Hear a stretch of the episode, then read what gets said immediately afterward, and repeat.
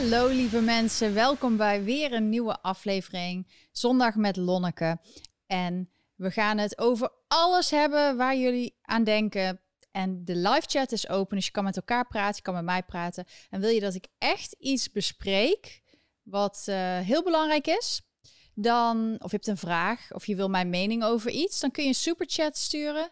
Vind je het leuk wat ik doe? Een supersticker via de chat. Maar je kan ook via Ideal en via PayPal een vraag stellen. Dan zorg ik dat die zeker behandeld wordt. En op die manier kun jij deel zijn van de uitzending. En dan kun je naar lonneke.com gaan om dat te doen.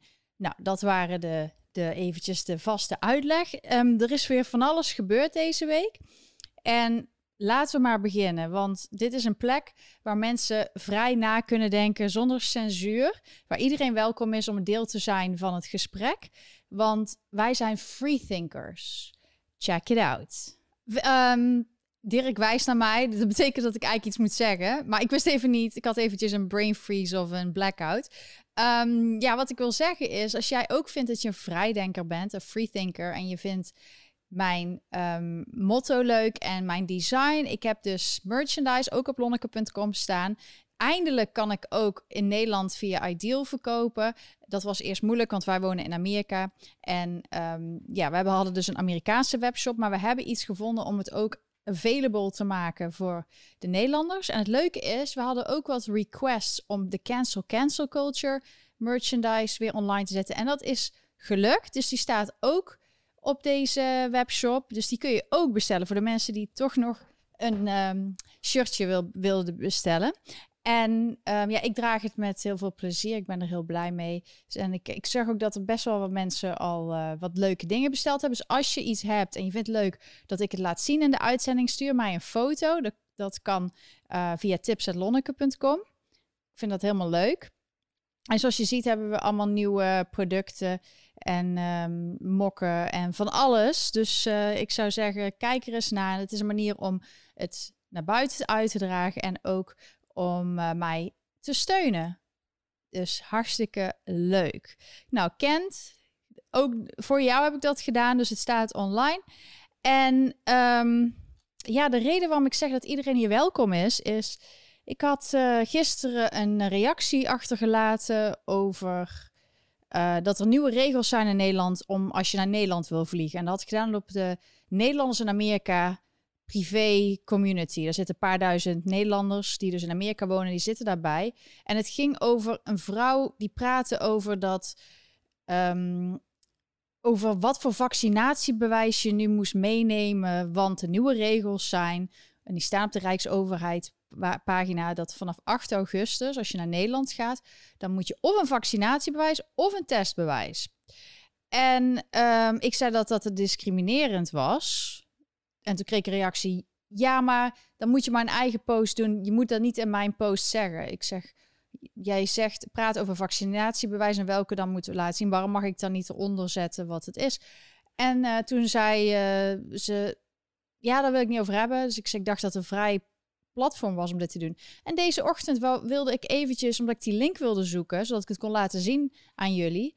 En toen kon ik die hele pagina niet meer vinden. Dus ik ben volgens mij gewoon geblokt van die privé uh, plek uh, op Facebook. Dus ik heb wel de mensen, de, de, de, de moderators erachter om uitleg gevraagd. Dus ik ben benieuwd wat ik voor reactie krijg. Als moet ik dadelijk gewoon een eigen pagina gaan maken voor Nederlands in Amerika. Maar dat laat dus al zien dat, het, dat, dat er sommige mensen die willen gewoon geen tegenwoord. Want misschien vinden ze het wel gewoon niet leuk dat ik de hypocrisie laat zien. Dat die vaccinatiebewijzen, dat dat niet wil zeggen dat dat, dat, dat dat je dan geen virus hebt of het niet kan verspreiden. Sterker nog, deze week in Amerika, de Center of Disease Control, de CDC, heeft een rapport naar buiten gebracht. En het was overal in de mainstream media dat ook al ben je gevaccineerd, kun je nog steeds het virus hebben, kun je nog steeds verspreiden. Dit is gewoon wat de CDC zegt. En dat is dus ook in het nieuws. Maar heel veel mensen hebben zoiets, ja, als ik gevaccineerd ben, dan ben ik superman, uh, superwoman.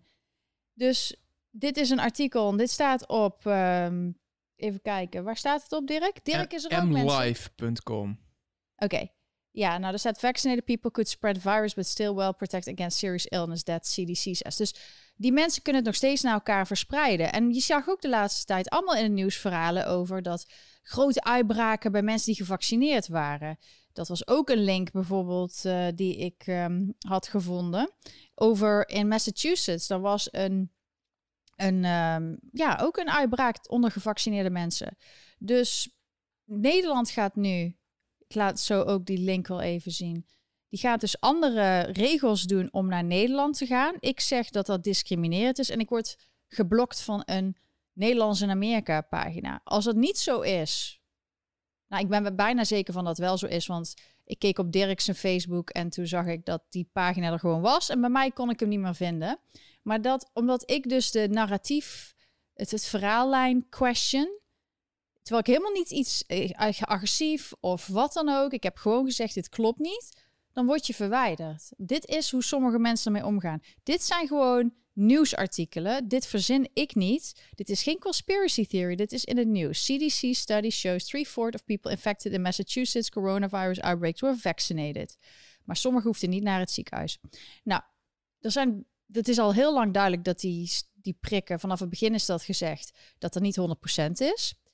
En uh, dat betekent dus dat er mensen zijn die gevaccineerd ga, zijn en die zich, um, ja, die willen zich beschermd voelen. Dus ik wil eventjes uh, met jullie ook die Rijksoverheid pagina doornemen om te kijken wat nou de nieuwe regels zijn. Dus vanaf 8 augustus, als wij bijvoorbeeld naar Nederland zouden vliegen, de afgelopen weken hoefden we helemaal niks te laten zien, ook niet in quarantaine of wat dan ook, maar dat wordt veranderd. Want vanaf 8 augustus moet je um, ook in Europa, maar ook vanuit Amerika naar Nederland, moet je dus een test kunnen laten zien of een vaccinatiebewijs. Maar we hebben net dus al gezien dat de vaccinatie, dat zegt niks over of dat je besmet bent of niet. Je kan nog steeds mensen besmetten, net zoals dat ongevaccineerden dat kunnen doen. Dus dat is, iedereen is daarin gelijk. Dus waarom zou je iemand dan een andere behandeling geven, een prioriteit, als het niet eens wetenschappelijk onderbouwd is? Maar als je naar beneden scrolt, Dirk, dan kun je um, zien dat er dus, wat er dus vanaf 8 augustus of 27 juli, of verandert er al wat, maar vanaf 8 augustus, als je iets naar beneden gaat nog, dan op een gegeven moment staat er ergens, ja, daarboven, oh, verandert 8, ja, je moet dus vanaf 8 augustus hebben reis vanaf 12 jaar een coronabij, uh, nodig als dit land kleurcode geel heeft. Nou, ze hebben allemaal codes en kleurtjes en zo, en dat is heel erg natte vingerwerk van hoe het, wanneer het geregeld wordt. Maar maar dat is toch maar net hoeveel mensen er testen, welke code er gegeven wordt. Ja, maar nu worden alleen dus ongevaccineerden getest en niet meer mensen met vaccinatie, want die zijn ineens vrij van alles. Maar als ik gevaccineerd ben en ik ben van een hoog risico, dan zou ik het niet fijn vinden om in een vliegtuig te gaan zitten. Waarvan ik weet dat de helft van de mensen in het vliegtuig niet getest is als er een pandemie is, toch? Als je heel die gedachtegang doorgaat. Dus dan voel je je eigenlijk heel onveilig. Dus ik ben er altijd voor iedereen testen. Of als het allemaal niet zo erg is, niet iedereen testen. Gewoon gelijkwaardig, mensenrechten. Omdat dat het enige is wat wetenschappelijk uh, onderbouwd is. Gewoon iedereen gelijk. Maar ja, je, dat wordt gewoon niet in dank afgenomen. Er zijn ook heel veel mensen die hebben zoiets. Ja, maar ik heb nou die vaccinatie al. En jullie zijn stom, want de media heeft de afgelopen week heel erg de mensen die niet gevaccineerd zijn proberen te demoniseren. Terwijl heel veel mensen zijn die um, er om verschillende redenen niet kunnen nemen, gezondheidsredenen. Zou jij het willen dwingen uh, om mensen om zoiets te doen met alles wat we nu weten? Als je weet dat die mensen meteen gewoon slecht, uh, dat voor hun gezondheid slecht is en dat ze meteen aftakelen, zou je dat hoe voel jij je daaronder om mensen zoiets te dwingen, terwijl je gewoon weet dat sommige mensen daar dood aan kunnen gaan, omdat ze medische problemen hebben al. Dus daar worden mensen niet eens, die mensen gaan er niet eens over nadenken dat dat zo'n grote groep is die dat ook heeft. En maar daarmee zeggen ze ook tegelijkertijd dat ze scheid hebben aan de, aan de rest. Want als jij gevaccineerd bent en je hebt, voor zover ze zeggen, minder kans om het te krijgen, maar je bent nog steeds eh, even goed in het verspreiden als iemand anders. Uh, en je hoeft niet te testen om te kijken of je het virus wellicht bij je draagt. Dan hebben ze indirect, of eigenlijk direct, gewoon scheidt aan iedereen Ja. die niet gevaccineerd Ja, want is. zij voelen zich nou gewoon eh, superieur. Zij hebben netjes alles gedaan wat de regering heeft gezegd. Het werkt helemaal voor geen Maar wat als je niet gevaccineerd mag, mag worden, nogmaals? Want er zijn gewoon mensen die ook vanwege medische condities niet gevaccineerd mogen worden. Dan, eh, dat is toch gewoon onbeschoft? Is gewoon hartstikke onbeschoft Ja, het is ook doen. onbeschoft. Dus we moeten even beseffen dat of je behandelt iedereen gelijk, maar je gaat geen mensen demoniseren en je bent, hebt empathie voor alle mensen. Ik ben niet tegen dat hele vaccineren. Ik ben niet voor. Iedereen moet zijn eigen beslissing doen wat jij denkt, wat jou veilig maakt. En dat is het verschil ook tussen beide kanten. De kant die dus vraagtekens bij alles stelt, die zijn eigenlijk best wel vrij en hebben empathie, zijn tolerant. Die hebben zoiets, ik ga nog steeds om met mensen die het wel of niet hebben. Je hebt natuurlijk ook wel mensen die extreem zijn daarin, maar de meeste mensen zijn gewoon normaal daarin. En aan de andere kant zijn ze gewoon heel erg, eh, ja, jij luistert niet en zo. Ik had gisteren een hele leuke live chat, of ja, het was een beetje een, eh, eh, hoe zeg je dat, een zooitje. Want Dirk en ik zaten, normaal zijn we best wel goed op elkaar ingespeeld, maar we waren gisteren even helemaal, de computer deed ook raar en internet Wij noemen dat een last minute Lonnie. Ja, ik had, hij had dingetjes voor mij niet op tijd ontvangen. Ehm, dus het was een, het wel een grappige video geworden. Dus voor mensen die het nog willen zien. Maar ik had daar dus ook nog wat meer uitleg in het Engels over alles. En ik ben ook benieuwd wat jullie ervan vinden. Maar ik vind het dus... Heel veel mensen hebben zoiets... Ja, we zijn al anderhalf jaar bezig. Wij doen braaf die prik en dan krijgen we een bewijs. Maar als je echt om de pandemie geeft... Dan, en je ziet wat er in nieuws is, dan ben je egoïstisch als jij het oké vindt dat jij dan in, op een vliegtuig gaat met een vaccinatie zonder dat je getest bent. Want dan heb jij inderdaad, wat Dirk zegt, scheid aan andere mensen. Als het nu gewoon al duidelijk is wat we eigenlijk al wisten van het begin. Dat je gewoon nog steeds besmettelijk kan zijn en het aan anderen kan geven die daar misschien heel ziek voor worden. En niet alleen de ongevaccineerden, maar ook de gevaccineerden. Dus eh, ik denk dat ik er eens een keer dit, eh, deze week. Volg mij op alle social media. Ik ga er wat heisa over schoppen. Mensen kunnen me wel blokken bij sommige dingen, omdat ze zo heel erg eh nazi-achtig gedachtegoed hebben. Dat ze zo eh, ja, het eh, leuk vinden om mensen te discrimineren. Maar ik heb nog steeds wat platforms waar ik aanwezig kan zijn. De Twitter, Gap, Telegram. Ehm, ja, Facebook is gewoon wat dat betreft, was alleen handig voor die groepen. Maar verder is er heel weinig, ja, kun je heel weinig daar doen. Want ze willen alleen maar dat je geld betaalt om jezelf te promoten. Dus daar hebben we geen zin in. Dus het moet wel natuurlijk komen. Maar ik ga er gewoon wel eens even de Rijksoverheid op aanspreken dat dit discriminatie is. En dat dit niet gestoeld is op wetenschap met alles wat de CDC, dus de Amerikaanse officiële. Dus als, je, als ze allemaal zeggen we moeten niet conspiracy theory en zo doen, dat doe je nu dus wel door mensen met vaccinatie voor te trekken. Want de CDC zegt wat anders en daar vlieg je naar en van eh, af ook van Amerika naar Nederland. Want eh, dit klopt gewoon niet. Dit klopt gewoon niet. En als mensen dit oké vinden, ik snap dat er mensen zijn die vinden het anderhalf jaar vervelend dat de overheid hun zo in de tang heeft. Daar kun je gewoon iets over zeggen, maar je moet niet andere mensen, eh, omdat je het gewoon lastig vindt, dat je gewoon zo raar gedrag gaat vertonen. Maar het is nu inderdaad een periode waarbij iedereen moet kleur bekennen, iedereen moet zeggen van waar zij staan. Want als jij braaf meedoet, is dit het begin en hier eindigt het niet. Dat weten we gewoon allemaal.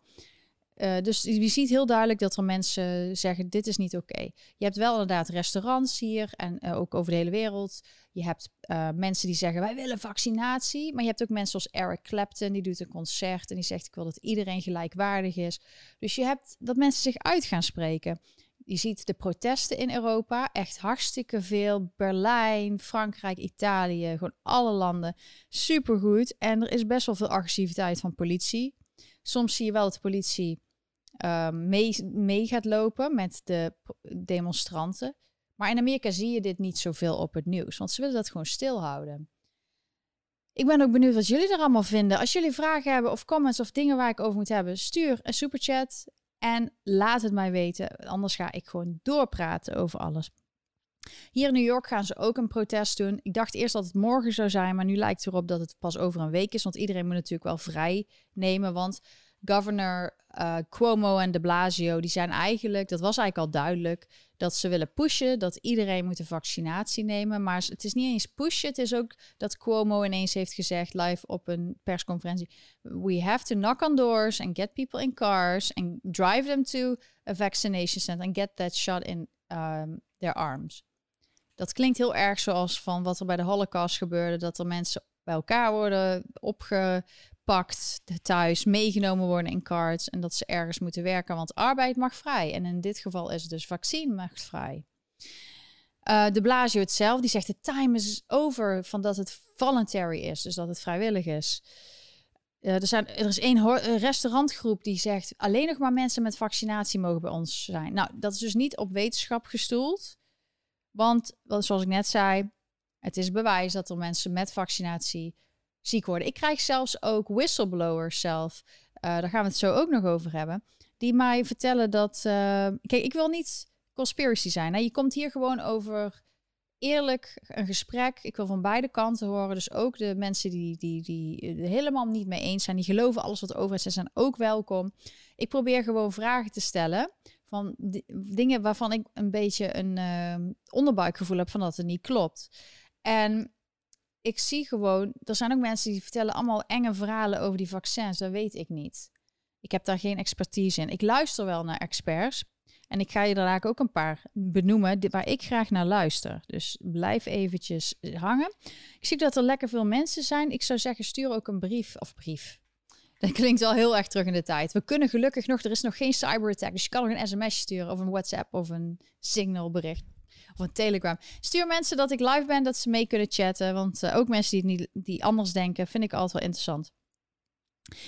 Um, ik hoor ook best wel veel verhalen van dingen die gebeuren. Alleen, ik luister er wel naar, want de afgelopen jaren zijn er best veel uh, mensen die van die uh, conspiracy theorists waren, die gelijk hadden. Dus waarom zou je dat niet ook luisteren? En je moet gewoon een vrijdenker, een freethinker, die luistert naar alles en die doet gewoon zelf filteren. En die luistert, die doet veel tijd besteden aan onderzoek en die filtert alles en die maakt zijn eigen mening. En ik weet zeker dat er ook mensen zijn die niet volledig met mij eens zijn. Je kan het niet met iedereen 100% eens zijn.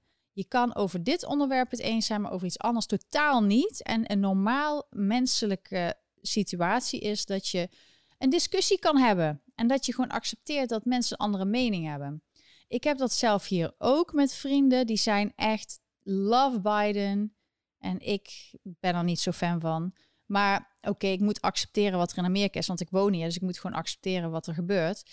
Um, maar die zijn best wel heel heftig in de reacties. En ik ben zoiets, nou, ik wens Biden gewoon nog een goede gezondheid.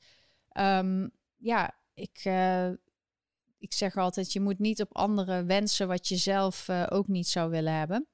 Dus uh, ik hoop gewoon dat karma altijd, de waarheid altijd uitkomt en de karma er is of komt. Maar wij kunnen wel over andere dingen, bijvoorbeeld over honden of wat dan ook, kunnen wij heel goed praten. Dus wat doe je? Of je praat niet over dat onderwerp, of je praat over dat onderwerp en je respecteert elkaar mening en je kan uitleggen of vragen stellen. Maar wel dat je gewoon accepteert dat je totaal niet mee eens bent. Um, dus hetzelfde met gun rights. Sommige mensen zijn er helemaal voor, sommigen zijn er tegen. Abortus is ook zo eentje waar er meerdere gevoel is. De ene vindt het helemaal niet kunnen, de andere is uh, er helemaal voor. Er zijn gewoon een aantal onderwerpen, daar weet je gewoon dat er heel heftig op gereageerd kan worden. En dan kan het best zijn dat 99% van de andere dingen dat je het hartstikke met elkaar eens bent. Dus in plaats van dat je altijd verschillen zoekt, moeten we zorgen dat we elkaar vinden op dingen waar we elkaar vinden. Want de, de mensen die nu dit allemaal zo bespelen en regelen, die willen dat er uh, divide and conquer zolang de mensen zelf tegen elkaar bekvechten en elkaar blokken en, en niet verenigen, uh, krijg je sowieso niet de goede informatie verspreid en uh, goede discussies erover. Van wat is nu, wat is nou de beste manier to go forward? Maar daarmee blijven ze aan de macht. Ik weet zeker als iedereen op uh, meer op één Um, zeg je dat, uh, wat meer verenigd waren. Dat bijvoorbeeld zo'n Hugo de Jonge of Rutte echt niet meer daar Um, maar je hoeft niet per se verenigd te zijn. Je moet gewoon wel kritisch blijven. Ja, maar je moet wel denken, wij zijn de people en hun zijn de overheid. En als de overheid gewoon iets niet goed doet, en dat is hetzelfde met wat ik net als eerste vertelde over dat je naar Nederland vliegt en dat de ene moet wel testen, de ander niet. Wat krijg je dan? Die mensen die dus geïnfecteerd zijn, die gevaccineerd zijn, die kunnen lekker alles verspreiden. En alleen de ongevaccineerden worden dan getest. En er komen dan positieve testen. waardoor het lijkt of er alleen de ongevaccineerden een probleem zijn. Dan weten we ook dat er heel wat gedoe is met die testen zelf. Maar het gaat er dus om dat uh, je daarmee dus een situatie creëert. Je creëert een verhaallijn, omdat je dus bepaalde mensen niet test en andere wel, waardoor je dus weer.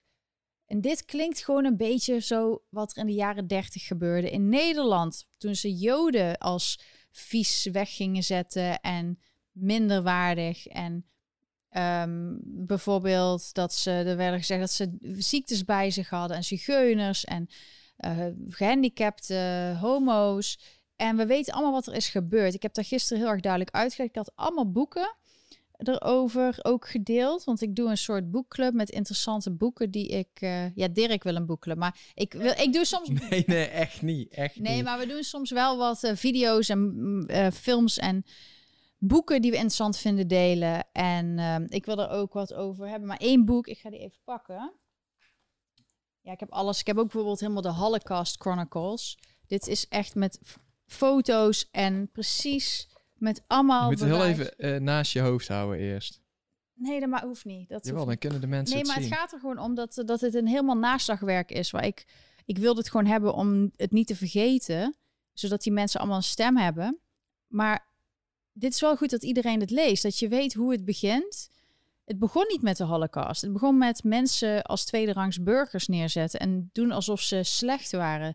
Terwijl dat niet, niet gebaseerd was op enige wetenschap of um, mensenrechten. Je, waren, en, en waarom waren er zoveel mensen die daarin trapten, ook in Nederland? Hoe kan het dat zoveel mensen, na de oorlog zeiden ze allemaal dat ze in het verzet zaten, maar tijdens de oorlog deed iedereen braaf wat de overheid zei. En nu zijn er ook heel veel mensen, dat zie je vast wel om je heen, waarvan je weet, nou, als het oorlog is, dan weet ik wel met wie ik de oorlog win en met wie, uh, wie ons zou verklikken. Dat weet je nu heel goed.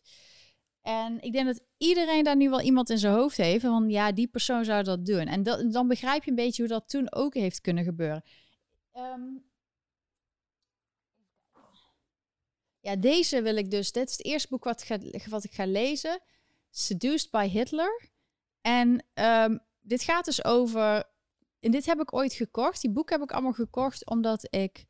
Um, ik wilde dus, ik heb meer boeken gisteren ook besproken, dus ik ga nou even heel kort. Maar ik ga deze eerste lezen van hoe kan het dat zoveel mensen in hem geloofden en dat hij dit allemaal heeft veroorzaakt? Hoe kan dat? Want eigenlijk, we weten het eigenlijk al, burgers, waarom zijn er zoveel genocides over de hele wereld? Is als er een grote groep luistert naar een leider, een andere groep ineens als minderwaardig ziet, waardoor ze het um, goed vinden dat die mensen anders behandeld worden uh, onmenselijk worden behandeld. En dan kan zelfs, zelfs zo afglijden uh, af, uh, totdat het echt helemaal fout gaat naar een genocide. Dus het is heel belangrijk om dat te weten hoe dat ontstaat. Dus dit heb ik gewoon in Amerika, denk ik, iets van 15 jaar geleden gekocht. Die boeken stonden gewoon in de kast.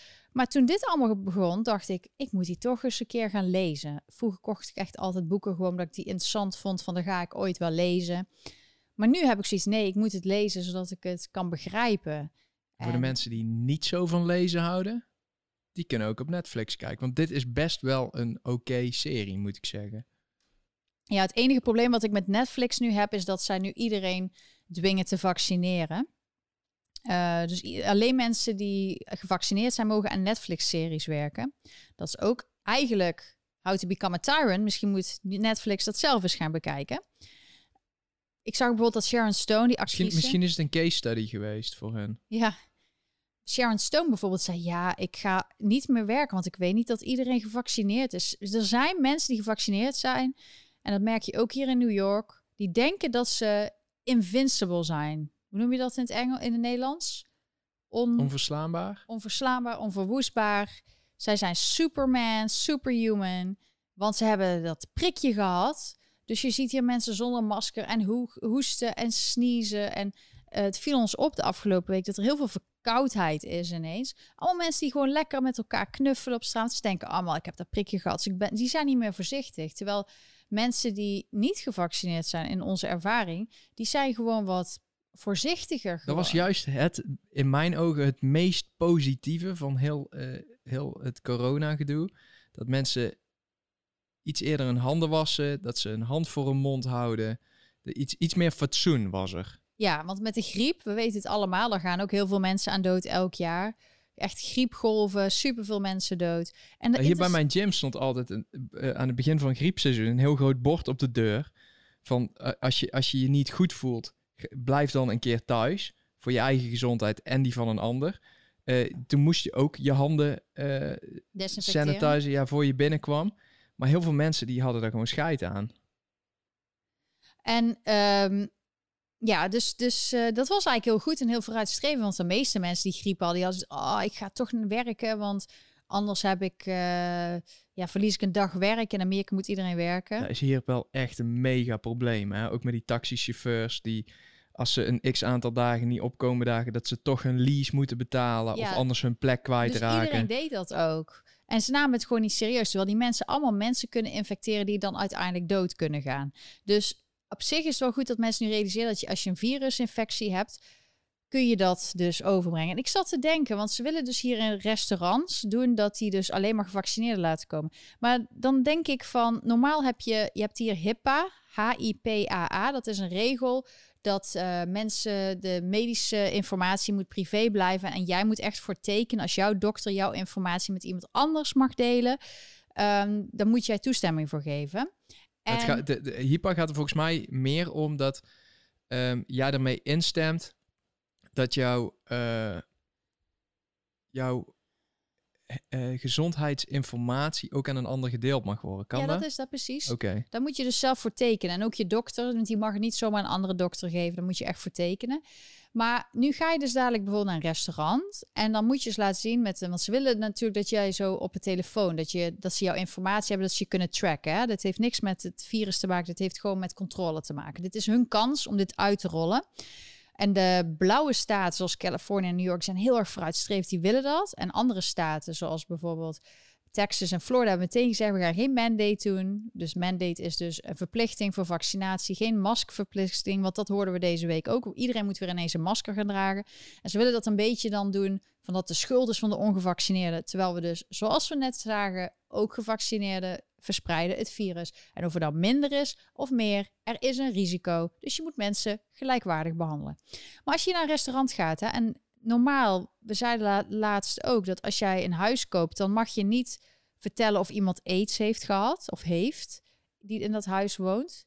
Uh, want dat is een violation van de medical privacy. Oké, maar die vraag die is dus blijkbaar al door heel veel mensen gesteld. En het antwoord daarop is dat dat geen public health crisis is. Dat was het wel 30, 40 jaar geleden, in de jaren 80. Ja, dat klopt. Maar heel veel mensen die dus in die tijd, ook de gay community, die vergelijken, en dan hoor ik dus heel vaak van de gay community, die vinden dit wat er nu gebeurt heel erg vergelijken met de, gay, uh, met de, de health crisis in de jaren 80.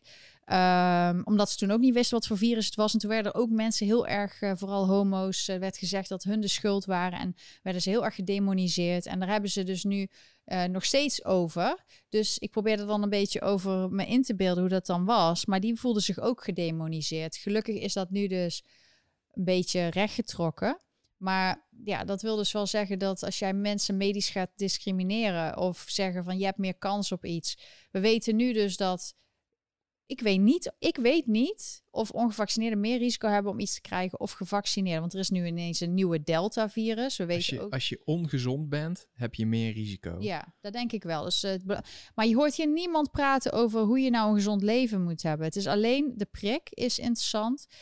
Maar om even terug te gaan naar het restaurant. Dus ik zou, stel je voor dat je nou, uh, dus dan moet je dus laten zien, ik ben niet tegen gevaccineerd. Moet je dan je andere vaccinatie ook laten zien?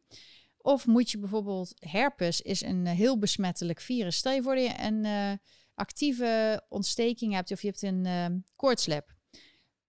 Dan zou je eigenlijk die ook moeten weigeren. Want dat is ook besmet. Kunnen ook andere mensen voor het leven geïnfecteerd worden. En dat kan ook uiteindelijk voor grote problemen zorgen.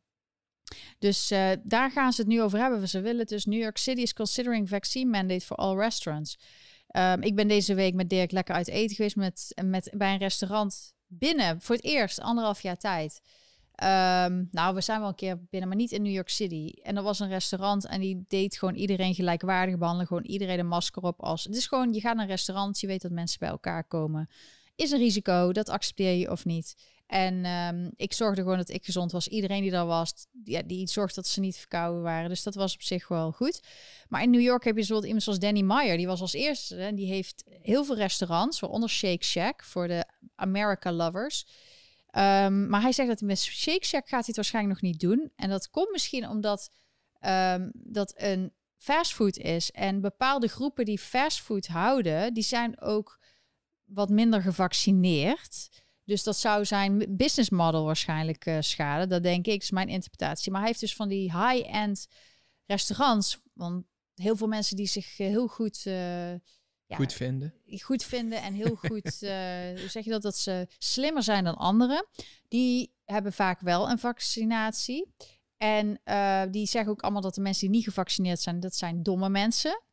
maar er zijn dus ook heel veel slimme mensen die niet vaccineren. Want dat merk ik in mijn eigen omgeving ook. Dus dat wil niet zeggen of je het wel of niet doet. wil niks zeggen met je intellect. Het is uh, puur een persoonlijke keuze. Maar hij heeft gezegd dat zijn restaurants, waaronder de Union Square Café, die moeten nu voortaan alleen maar gevaccineerde mensen binnenlaten. Ook mensen die daar werken.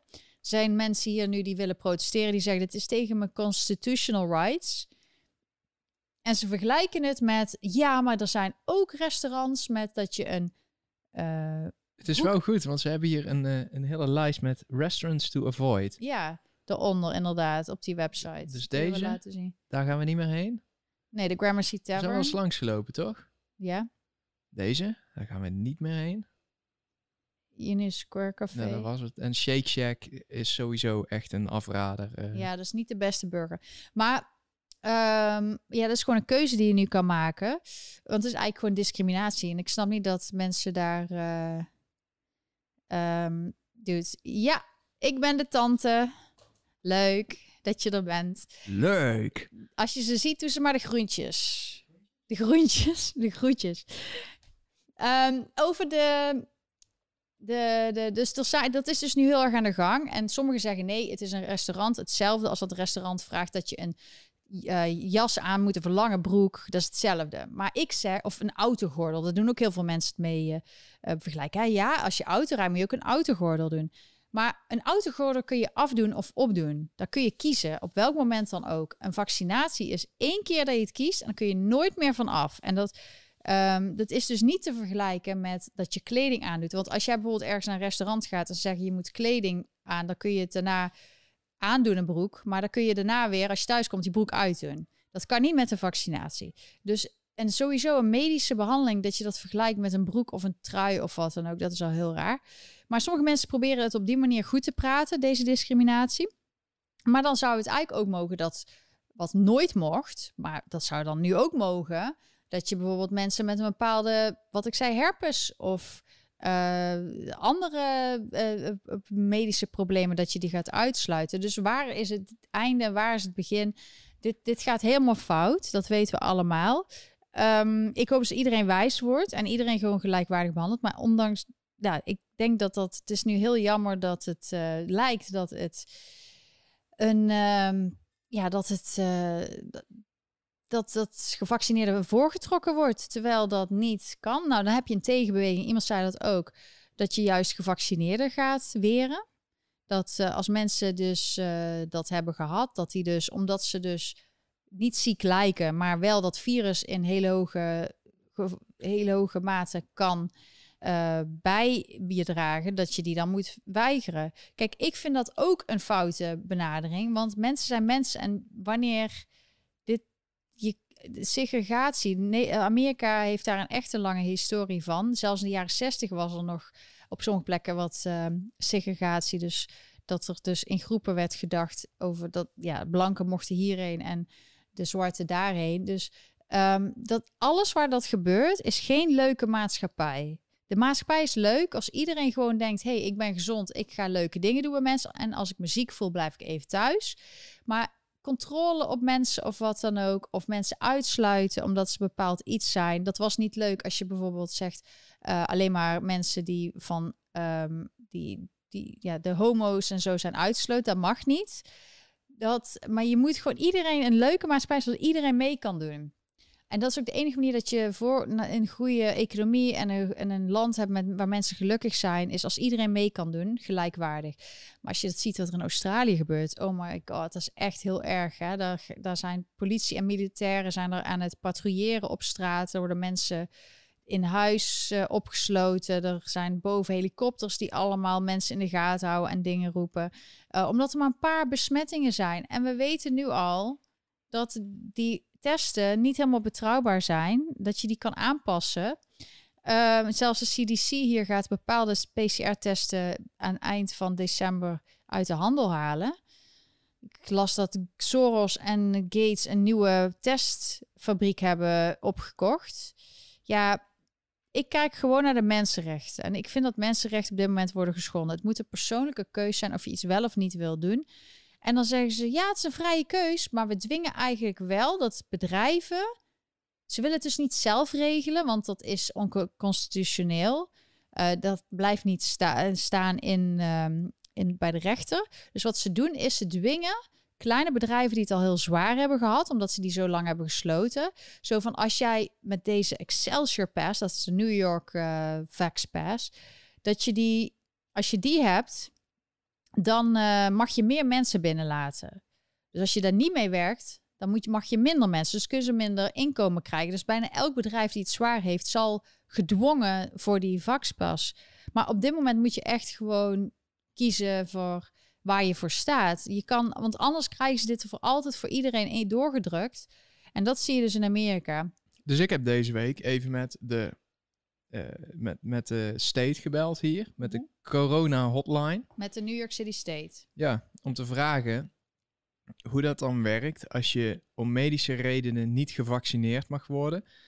eh, en daardoor je leven beperkt wordt, omdat je ni- niet overal meer binnen mag. Of dat daar dan een waiver voor is. Hoe werkt dat met die Excelsior Pass? Krijg je dan wel een eh, toegangsbewijs, zeg maar, of niet?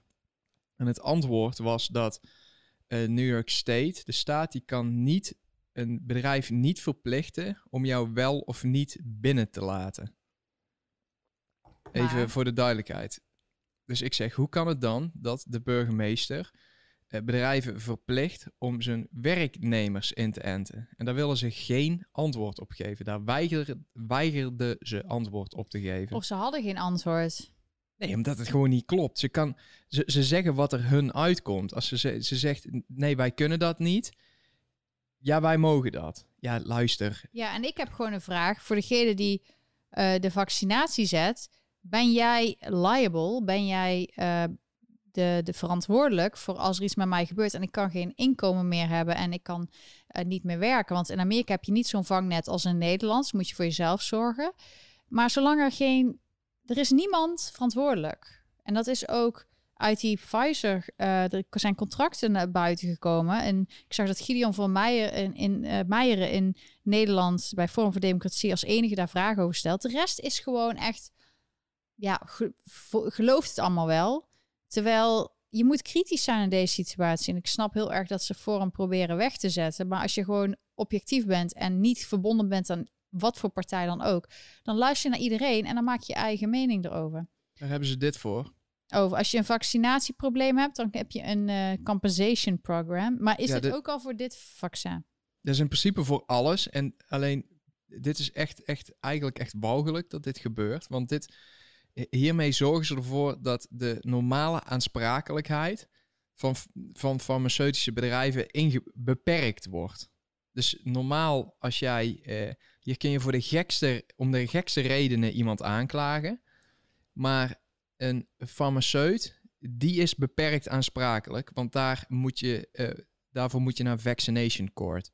Dus dan ga je niet voor naar de gewone rechtbank. rechter. Het is een speciale rechtbank met beperkte eh, uitkeermogelijkheden. Eh dat hebben ze natuurlijk niet voor een, eh, zomaar een reden gedaan. Hè? Dat is wel duidelijk. Maar ehm, je hebt ook dat er een systeem is die moet alles bijhouden van wat voor eh, ehm, bijwerkingen zijn. En wij wisten daarvan, omdat wij voordat dit allemaal gebeurde, hadden wij dus ook, Dirk en ik, allebei bijwerkingen van vaccins. Ehm, dus wij hebben dat helemaal uitgezocht. En die zeggen zelf ook dat ze maar een paar procent van de werkelijke schade eigenlijk registreren. Omdat de meeste mensen of ze geven het niet door, of de dokter geeft het niet door, of ze denken dat het meevalt. Ehm, dus ja, maar nu zie je echt dat het echt superveel geregistreerd wordt. En de totale nummers ken ik niet, maar dan zou je natuurlijk zelf ook kunnen um, gaan bekijken. Maar je hebt hier ook bijvoorbeeld de gezondheidsmedewerkers die dus een anderhalf jaar keihard hebben gewerkt. En daar waren de helden en daar klapten we elke avond voor. Nu ineens zijn het, uh, zijn het de mindere mensen als ze zich niet willen laten vaccineren. Dus er gaan gewoon over heel New York protesten komen. En um, ja, het lijkt me heel bizar als wij naar onze favoriete restaurants of dingen komen. Ze vragen ineens: uh, ben je niet gevaccineerd? Mag je niet welkom? Ben je niet welkom? Um, omdat we anderhalf jaar met deze hele pandemie zijn we ook goed doorgekomen zonder iets. Je ziet nou wel, niemand mocht praten over medicijnen, maar je ziet nu dat Pfizer um, wel um, ineens een medicijn in ontwikkeling heeft. En dat mag wel weer besproken worden. Dat is wel heel bijzonder. Maar waar ik als eerste ook wil zeggen, ik doe elke week dus een in de spotlight. En deze week heb ik niet één persoon, maar meerdere personen. De, deze week in de spotlight de healthcare whistleblowers. Dat zijn alle mensen die durven zich uitspreken. Ik zag een heel, heel goed bord tijdens een van de protesten. En daar stond op: wie geloof jij? De mensen die betaald krijgen voor hun mening te verkondigen, of de mensen die alles verliezen omdat ze zich uitspreken. Dus alle experts die iets zouden verliezen als ze uitspreken. Je ziet heel veel experts die normaal altijd helemaal geprezen werden. En die worden nu helemaal kapot gemaakt. Een ervan is Dr. Malone. En uh, ik zou echt naar zijn video luisteren als je Engels kan. Is heel interessant. Hij is de uitvinder van die techniek die ze gebruiken in de Pfizer en Moderna vaccinaties. Die worden door heel veel mensen zijn die gezet. Maar ook als je het hebt genomen, luister naar wat hij zegt. Want hij legt uit hoe het werkt en dat er meer varianten kunnen komen. En hij heeft dus op Twitter moeten zeggen dat hij dus, ik heb het al eerder gezegd, dat hij um, dat een journalist aan waarschuwde dat hij dus uh, kans heeft om vermoord te worden. En hij had dus zoiets, ik moet daar iets van tweeten, want ja, dat is zo raar. Ik ben gewoon maar een onderzoeker. Uh, ik ben maar een simpele man. Maar hij heeft op War Room Pandemic, dat is van Steve Bannon, is hij, hij wordt nergens meer uitgenodigd. Vroeger wel, hè. vroeger deden ze allemaal heel stoer. Oh, hij is de uitvinder van de mRNA-techniek. Maar nu zeggen ze, um, hij heeft ook vaccinaties uh, ontwikkeld. Maar nu zeggen ze, is a lie. Hij heeft uh, met factcheckers van, hij is helemaal niet de uitvinder van dit vaccin. Maar op die manier proberen ze hem weg te zetten. Maar dat heeft hij nooit gezegd. Hij heeft gezegd, hij is een uh, uitvinder van die techniek. Maar deze week, een paar dagen geleden, had hij een interview bij, uh, bij die War Room. En dat is dus een video die ik iedereen kan aanraden. Want hij legt gewoon heel simpel uit hoe het zit met die vaccinaties vanuit zijn expertise. En dat vond ik dus heel interessant. Dat je het gewoon van een expert. Ik wil niet over die vaccinatie. Ik ga geen meningen roepen. Ik ga er zelf niks over zeggen. Over. Ik, ik, ik, ik vertel jullie alleen maar wat de media zegt. En wat experts zeggen. En niet alleen maar één soort expert. Want je ziet in Nederland en je ziet in Amerika maar drie mensen of zo die altijd alles zeggen over, die, over de vaccinaties. Maar er zijn veel meer experts die zich uitspreken, maar die mogen nergens terecht. Maar bijvoorbeeld, uh, is deze die ik jou doorgestuurd, Dirk? Dit is in ieder geval die met Malone. Oké, dit dan moet je even naar beneden. oh ja, uh, Vaccines Causing Mutations. Episode 1129. Um, of is dit een, is er niet nog eens maar één in de 30? Ja, er is nog één nieuwere. Die had ik je ook doorgestuurd. Dat is, um, dat is, dat is deze. Ja, Deep Dive into COVID. Dus de Deep Dive into COVID, die zou ik iedereen aanraden om te kijken. Maar niet alleen in het Engels, ook in het Nederlands zijn er mensen die zich hebben uitgesproken. En zo zag ik bijvoorbeeld Theo Schetters bij de Groene Rekenkamer, een interview. Ik heb dat ook gedeeld, ook op mijn Telegram. Ik heb het op Twitter gedeeld. Maar als je dat zoekt, Theo Schetters, hij is een professor. Hij maakt vaccinaties, andere vaccinaties. Waar, hij heeft dus wel banden met vaccinaties, maar andere. Hij maakt iets voor koeien, voor tropische ziektes, zei hij. Maar dat maakt niet uit, want zo'n Ab Oosterhuis waar mensen naar moeten luisteren, Marjan Koopmans, die hebben ook financiële belang. En de jongen en al die andere mensen, die hebben ook weer allemaal verhalen erachter zitten waarvan je denkt, oké. Maar hij legt dus de vinger op de zere plek. Het gaat niet om de volksgezondheid. Hij, wat beide experts zeggen, is dat het raar is om de hele bevolking te vaccineren. Dat weet iedereen dat je dan problemen kan krijgen met nieuwe varianten. En uh, dus dat is eigenlijk wat de hele meeste wereld eigenlijk al weet. Ik zeg bijvoorbeeld als leek van, ja, als je iedereen vaccineert, hoe weet je dan, waar is de controlegroep? Je moet toch ook mensen, maar misschien... Die hadden ze toch? Ze hebben toch sommige mensen placebo gegeven. en het rare was dat die ook uh, uh, gewoon een vaccinatiepaspoort krijgen. Ja, met een groen vinkje. Dus dat is al heel raar. Maar je ziet ook in Israël zeggen ze ineens dat er heel veel mensen die vaccineren. Hey, maar hoe misselijk is het als jij al denkt van... hé, hey, ik ga een, een vaccinatie halen... Ehm, waar al heel veel ophef over is. En vervolgens ben jij degene die ingespoten is met een uh, placebo. Ja. En toch doet de overheid net of jij wel gevaccineerd bent. Nou, dan ben, ja, dan, dus ben je gewoon ziek. Dan ben, dan, dan, die mensen hebben echt het idee dat hun leven in gevaar is als ze dit niet doen. Op dat punt zijn ze al. En dan heeft de overheid zoiets... Gooi, gooi er bij, hem, gooi er bij hem maar bier in, zeg ik maar. Zou, ik zou dan ook wel die placebo willen, hoor. Um, dus dat is, er zijn meerdere mensen. Nurse Erin, dat is een uh, verpleegkundige die hier in het Elmhurst Hospital in New York City tijdens de pandemie vorig jaar maart en zo kwam ze uit Florida om te helpen. Want iedereen zei: we hebben een verpleegkundige nodig, we hebben te veel, te weinig. Uh, verpleegkundigen, we hebben te dokters. Nou, toen is zij komen helpen. Maar toen zag ze al vrij snel dat de behandelmethode niet goed was. Dat mensen op eh, aan de beademing kwamen en dat, ze, dat, dat die mensen daardoor juist overleden. Dat er mensen die beademingsapparatuur, wat heel erg technisch is, niet eens konden uh, gebruiken. Waardoor er verkeerd afgesteld wordt. Schijnbaar, als je te hard afstelt die longen, dan doe je te veel kracht op de longen zetten, maak je ze eigenlijk dus kapot. En zij heeft een boek geschreven erover, maar ze heeft ook uh, Instagram, Nurse Erin BSN. En zij wordt de hele tijd ook geblokt enzovoort. Terwijl zij gewoon verhalen deelt van mensen. Zo heb je ook Dr. Bradley Campbell, dat is een chiropractor. Dr. Scott Jensen is naar buiten gekomen. Uh, maar ook in Nederland, je hebt bijvoorbeeld mensen als Rob Elens en zo. Die worden gewoon verguisd omdat die gewoon vragen stellen. Je mag het niet over medicijnen hebben. Je mag het niet over uh, het alleen de spuit is het enige wat ons helpt. Als jij nou gelooft dat er echt een hele erge pandemie is en je gelooft dat er een prik moet komen, dan is er toch wanneer worden mensen wakker dat het niet klopt? Um, er zijn zoveel dingen die niet kloppen. Dat dit is het volgende. Dat ze nu, dat gevaccineerden gewoon, uh, wat er dus deze week uitkomt, dat het helemaal niet uitmaakt. Of ze wel of niet, dat ze allemaal besmettelijk kunnen zijn. Er is gewoon risico voor allemaal. Maar ook Biden en ook Cuomo, ze zeggen allemaal pandemic of unvaccinated. En ik zag wat celebrities die dan altijd eerst riepen van pandemic of unvaccinated. Uh, om dus de ongevaccineerden dus, uh, te demoniseren. En ineens komt er uit nieuws dat zij zelf als vaccinhouder... Ehm, of uh, ja, die is geprikte, dat zij ook een superspreader kunnen zijn. En dan zie je echt zo dat gezicht van hun veranderen. Oké, dit is raar. Nou, dit is RMBSN. Nou is dat tweede account alweer. En elke keer heeft ze heel veel volgers en dan weer weg. Heel veel van die mensen zitten op Telegram. Als iemand geblokt wordt, ga naar Telegram. Je ziet, daar zit zoveel interessante informatie. En ook op Gather, daar zit ik ook op. Dus daar kun je me ook volgen. Maar video's en, en live verslag, dat wordt geblokt door Facebook, wordt geblokt door Twitter. Ik zit overal op, ik hou alles in de gaten. Uh, en je krijgt gewoon verschillende informatie. En het beste, wil je het meeste, meeste gevoel hebben dat je snapt wat het probleem is en wat een oplossing is, moet je ook je informatie toevoer zo veel mogelijk variëren. Hetzelfde met eten. Ik kan een goed voorbeeld geven. Ik zat op een dieet. Een tijdje was ik voelde me supergoed. Maar ik had maar best wel beperkte voedingsmiddelen die ik nam. Omdat al, je doet heel veel dingen die allergische reacties geven, doe je die uitsluiten.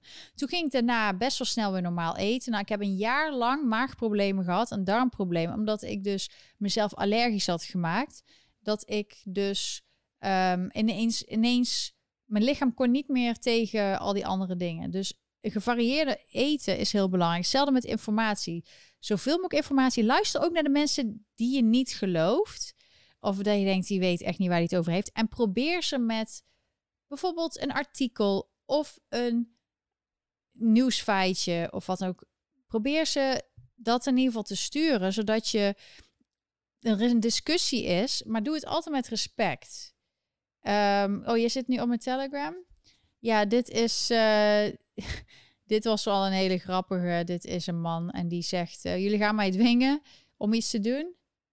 Try it, you'll, you'll be dead of zoiets, toch? Maar in ieder geval, ik heb meerdere. Ik ben pas net begonnen daar.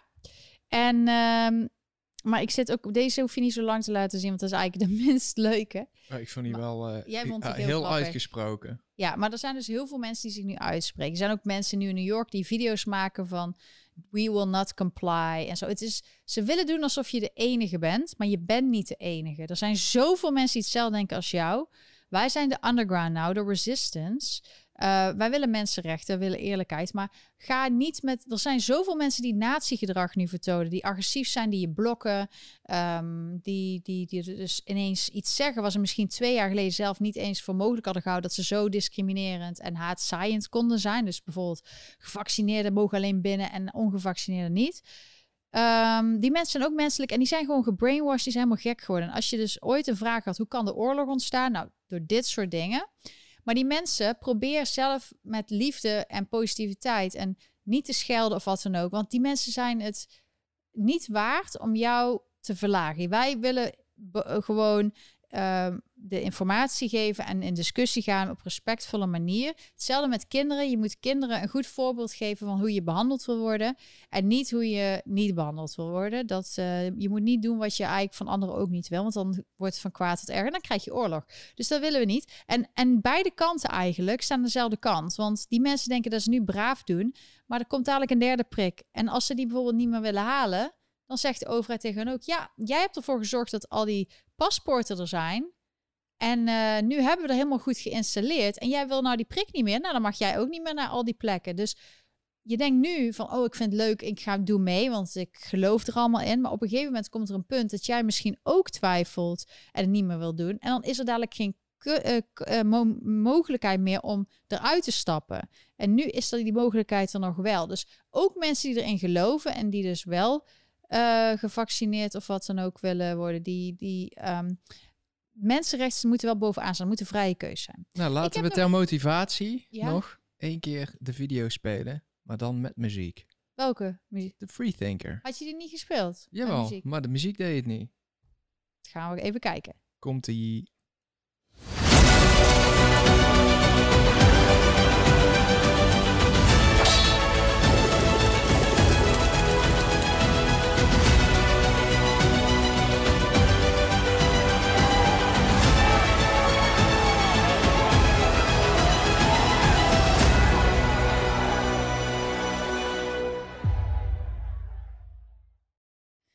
ik ben er zo trots op. Ik vind het zo leuk om dingen te creëren. En dan wordt het zo, komt het echt tot leven. En dan word ik helemaal vrolijk van. En ja, ik heb de freethinker op mijn hart staan. Want ik denk vanuit mijn hart en mijn gevoel in mijn onderbuik. Maar ook met mijn hersenen natuurlijk. Uh, maar en, en er zit een uh, elektriciteitslichtflits. Je hart je werkt met elektriciteit. En uh, ik voel me ook een beetje. Dit heeft, dit heeft, deze hele situatie heeft ook een soort passie uh, geopenbaard of uh, ontwaakt. Omdat ik. Ja, eerst was ik gewoon heel relaxed. Maar nu heb ik zoiets. Ik moet echt een beetje mensen steunen in deze tijd. Er zijn zoveel mensen die worden depressief door al dat gedoe. En ik zelf ook. Ik heb ook dagen dat ik denk: nee, dit is echt. Dat er mensen zo duivels zijn. Maar dan denk ik: nee. Uiteindelijk, die oorlogen ook, hè, wat er ook is gebeurd, uiteindelijk is dat is het de situatie weer teruggegaan normaal. En als je toen zag in oude films hoe mensen blij waren toen de geallieerden kwamen en al die soldaten met bevrijding. Ik heb hier achter ook een bord staan, heb ik uh, van een vriend in Eindhoven gekregen. Een bord van uh, ter ere van zoveel jaar. Even kijken. Um, 44. Dus op 18 september 44, 1944 werd Eindhoven bevrijd. En dat wordt laatst uh, gevierd. Maar nu is het dankzij Jorritsma, burgemeester Jorritsma, is het dus weer bezet. Je mocht niet naar buiten, er was weer avondklok enzovoort. En nu is dat even weg, maar wanneer gaat het weer beginnen? Want de meeste mensen voelen gewoon aan de energie dat ze het waarschijnlijk weer gaan dwingen. Want de goalpost, de ehm, grenzen worden heel te verlegd. Want eerst was het hoeveel doden en het ziekenhuis niet overwelmen en dat er niet te veel mensen in het ziekenhuis zijn. En nu is het zo, we mogen niet meer zoveel infecties. En dan krijg je zoals in Australië, dat ze na een paar infecties al een probleem maken. Nou, vind je dit ook leuk? Kun je naar de Freethinker website gaan en uh, eens eventjes rondkijken in mijn kleine leuke webshop met leuke producten. Link staat in de description, description. ideal.lonneke.com. Ja, en uh, het is inderdaad een beetje een soort religie voor sommige mensen geworden. Maar dat komt ook omdat zij misschien zelf niet echt een religie meer um, volgen. De mensen die wel een bepaalde levensstijl of religie volgen, die, die hebben ook misschien toch wel eerder dat ze misschien kritisch denken. Dat kan ik trouwens niet 100% zeggen, want uh, er zijn ook weer mensen die vinden het juist, juist dat je die prik moet nemen. Maar vrijheid van keuze is wel belangrijk. En ook wat, maar ze misbruiken dit gewoon. Ik denk dat jullie dit allemaal wel heel goed doorhebben. Wat ik wou zeggen is, mensen zitten veel in een bubbel. En die willen eigenlijk andere geluiden buitensluiten. We hadden het net over die restaurants in New York. En er is dus een raadslid van de stad New York. Dus die zit in de gemeenteraad. En hij heet Mark Levine. En hij had een poll, een peiling op Twitter gedaan. Van zou jij met een vaccinatiebewijs, als dat gevraagd werd voor mensen, zou je eerder naar een restaurant gaan of minder snel naar restaurants? Less likely, minder snel of more likely of maakt niet uit. En ehm, hij had dat online gezet. En toen zijn mensen dat gaan delen. En die zijn gaan ehm, kiezen. En toen zei hij nou, de right-wing Twitter is uh, helemaal losgegaan. Echt knap dat ze zich zo verenigen. Toen had ik zoiets. Ten eerste is dus niet alleen maar iets van de right-wing. Want er zijn ook heel veel mensen die democraat stemmen, die, die tegen dit zijn. Oh, en die wel misschien gevaccineerd zijn. Maar hij had dus gewoon gedaan. En de resultaten zijn, uh, als je vaccinatiebewijs gevraagd wordt bij een restaurant, is het more likely 24%, less likely 68%. En dan de overige was Maakt niet uit. En daaronder had hij dus gezegd dat het dus, hij denkt in zijn bubbel, dat het dus, um, kun je nog iets naar beneden? Before right-wing Twitter started rallying votes in this poll, less likely was it 5%. Hij wilde gewoon een poll om te bewijzen, zodat hij dat kon zeggen, dat hij, hij wil gewoon die vaccinatie um, verplichting hebben. Dat wil hij gewoon. Dus hij wou een poll en het is mislukt. En ik denk dat heel veel mensen in de overheid denken dat de mensen die een prik hebben gehad, dat de meeste mensen helemaal voor een bewijs zijn. Terwijl er een hele grote groep is. Ik vind dat een eigen keus. En ik wil gewoon met iedereen dat hij daarvoor een eigen keuze doet. En ik, ga, ik vind het irritant als ik een restaurant, die moet allemaal medische gegevens hebben. Ik vind dat, dat is niet Amerika. Dus ik denk dat ze eigenlijk een beetje verbaasd zijn hoe weinig mensen toch ermee eens zijn. Je hebt natuurlijk bange mensen zeggen, ja, ik wil alleen maar in een restaurant als er gevaccineerde mensen zijn. Nou, dan heb ik zoiets stuur even een link dat de CDC zegt dat je met allebei niet veilig bent. Dus dan blijf lekker thuis. Um, maar dat, dat is dus zo. Ze proberen het verhaallijn te manipuleren. Ik heb nog geen vragen van jullie. Dus uh, ik ben benieuwd wie de eerste vraag stelt. Of onderwerp waar je het over wil hebben. Ik hou jullie verder op de hoogte over uh, dingen. Maar wat er gewoon is. Het is niet alleen dat ze de verhaallijn willen beïnvloeden. Maar ze willen ook de verkiezingen, de, de audits. De, veel mensen zeggen er is al zoveel onderzocht bij al die stemmingen tijdens de verkiezingen van 2020. Maar nog steeds zijn er heel veel staten en steeds meer staten die willen de, de uitslag audit. Een audit is een onderzoek, dus een forensisch onderzoek. Dat je de stemcomputers bekijkt, elk biljet goed bekijkt of het op goed papier is enzovoort. Of alles klopt. En Arizona is bijna klaar. Die hebben alles geteld. En ineens zijn ze van Twitter verwijderd. Zonder reden. En anderen die dit wilden gaan doen ook. Dus die gaan wel verder op andere kanalen. Maar het is ook nu ineens willen ze weer. Het lijkt voor sommige mensen alsof dat ze weer lockdowns en zo willen. Terwijl de nummers veel minder erg zijn dan vorig jaar. Willen meteen weer lockdown. Want ze gaan dus heel tijd verder, hè? extremer. Het was vorig jaar dat het de lockdown was omdat er zoveel doden waren volgens hun. Er zijn ook verhalen dat dat beïnvloed is. En niet iedereen was met COVID of door COVID overleden, maar sommigen met. En um, dit is gewoon een heel slim. Ik zeg ook van, dit is gewoon een, dit gebruiken ze allemaal uh, om dingen door te drukken. En het is echt heel duivels, maar het is wel heel slim. Maar het is wel duivels. Nou, bijvoorbeeld uh, Twitter suspends accounts related to Arizona Senate's review of Maricopa County election. Maricopa County is de grootste county, gedeelte van Arizona. Dus die zijn nog steeds daarmee bezig. Die hebben er echt heel gedetailleerd gekeken. Maar ze hebben al van het begin af aan gezegd dat die mensen niet betrouwbaar zijn, dat het ongeloofwaardig is. Maar sommigen zeggen, ze willen alles weer lockdown doen. Om dus weer, ehm, om, om dus die verkiezingsfraudeonderzoeken ja, uit het beeld te houden. Ja, ik zou denken, als mensen juist thuis zitten en dan hebben ze juist kans om onderzoek te doen. Maar dan zijn er ook weer mensen die zijn bang voor cyberattacks en dat soort dingen. Dus ik weet niet, zolang we dat gewoon nog internet hebben, blijven we gewoon met elkaar praten. En uh, iemand zegt, uh, ja, ik zie, ik zie allemaal.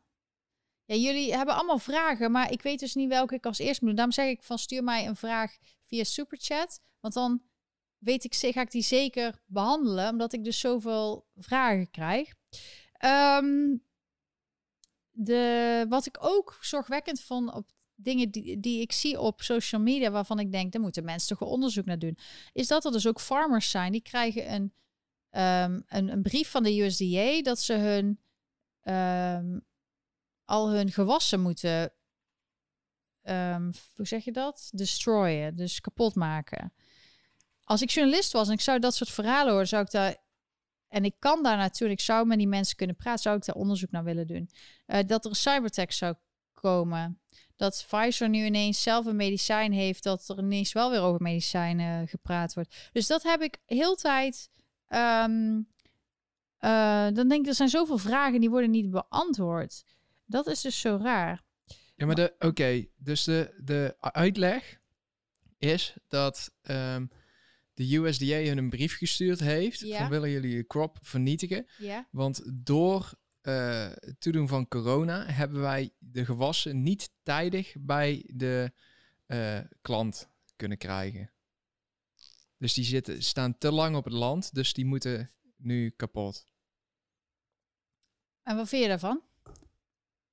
Um, ze, ze weten dat de voedselprijzen enorm onder druk staan. Daar zit er gewoon al enige tijd aan te komen.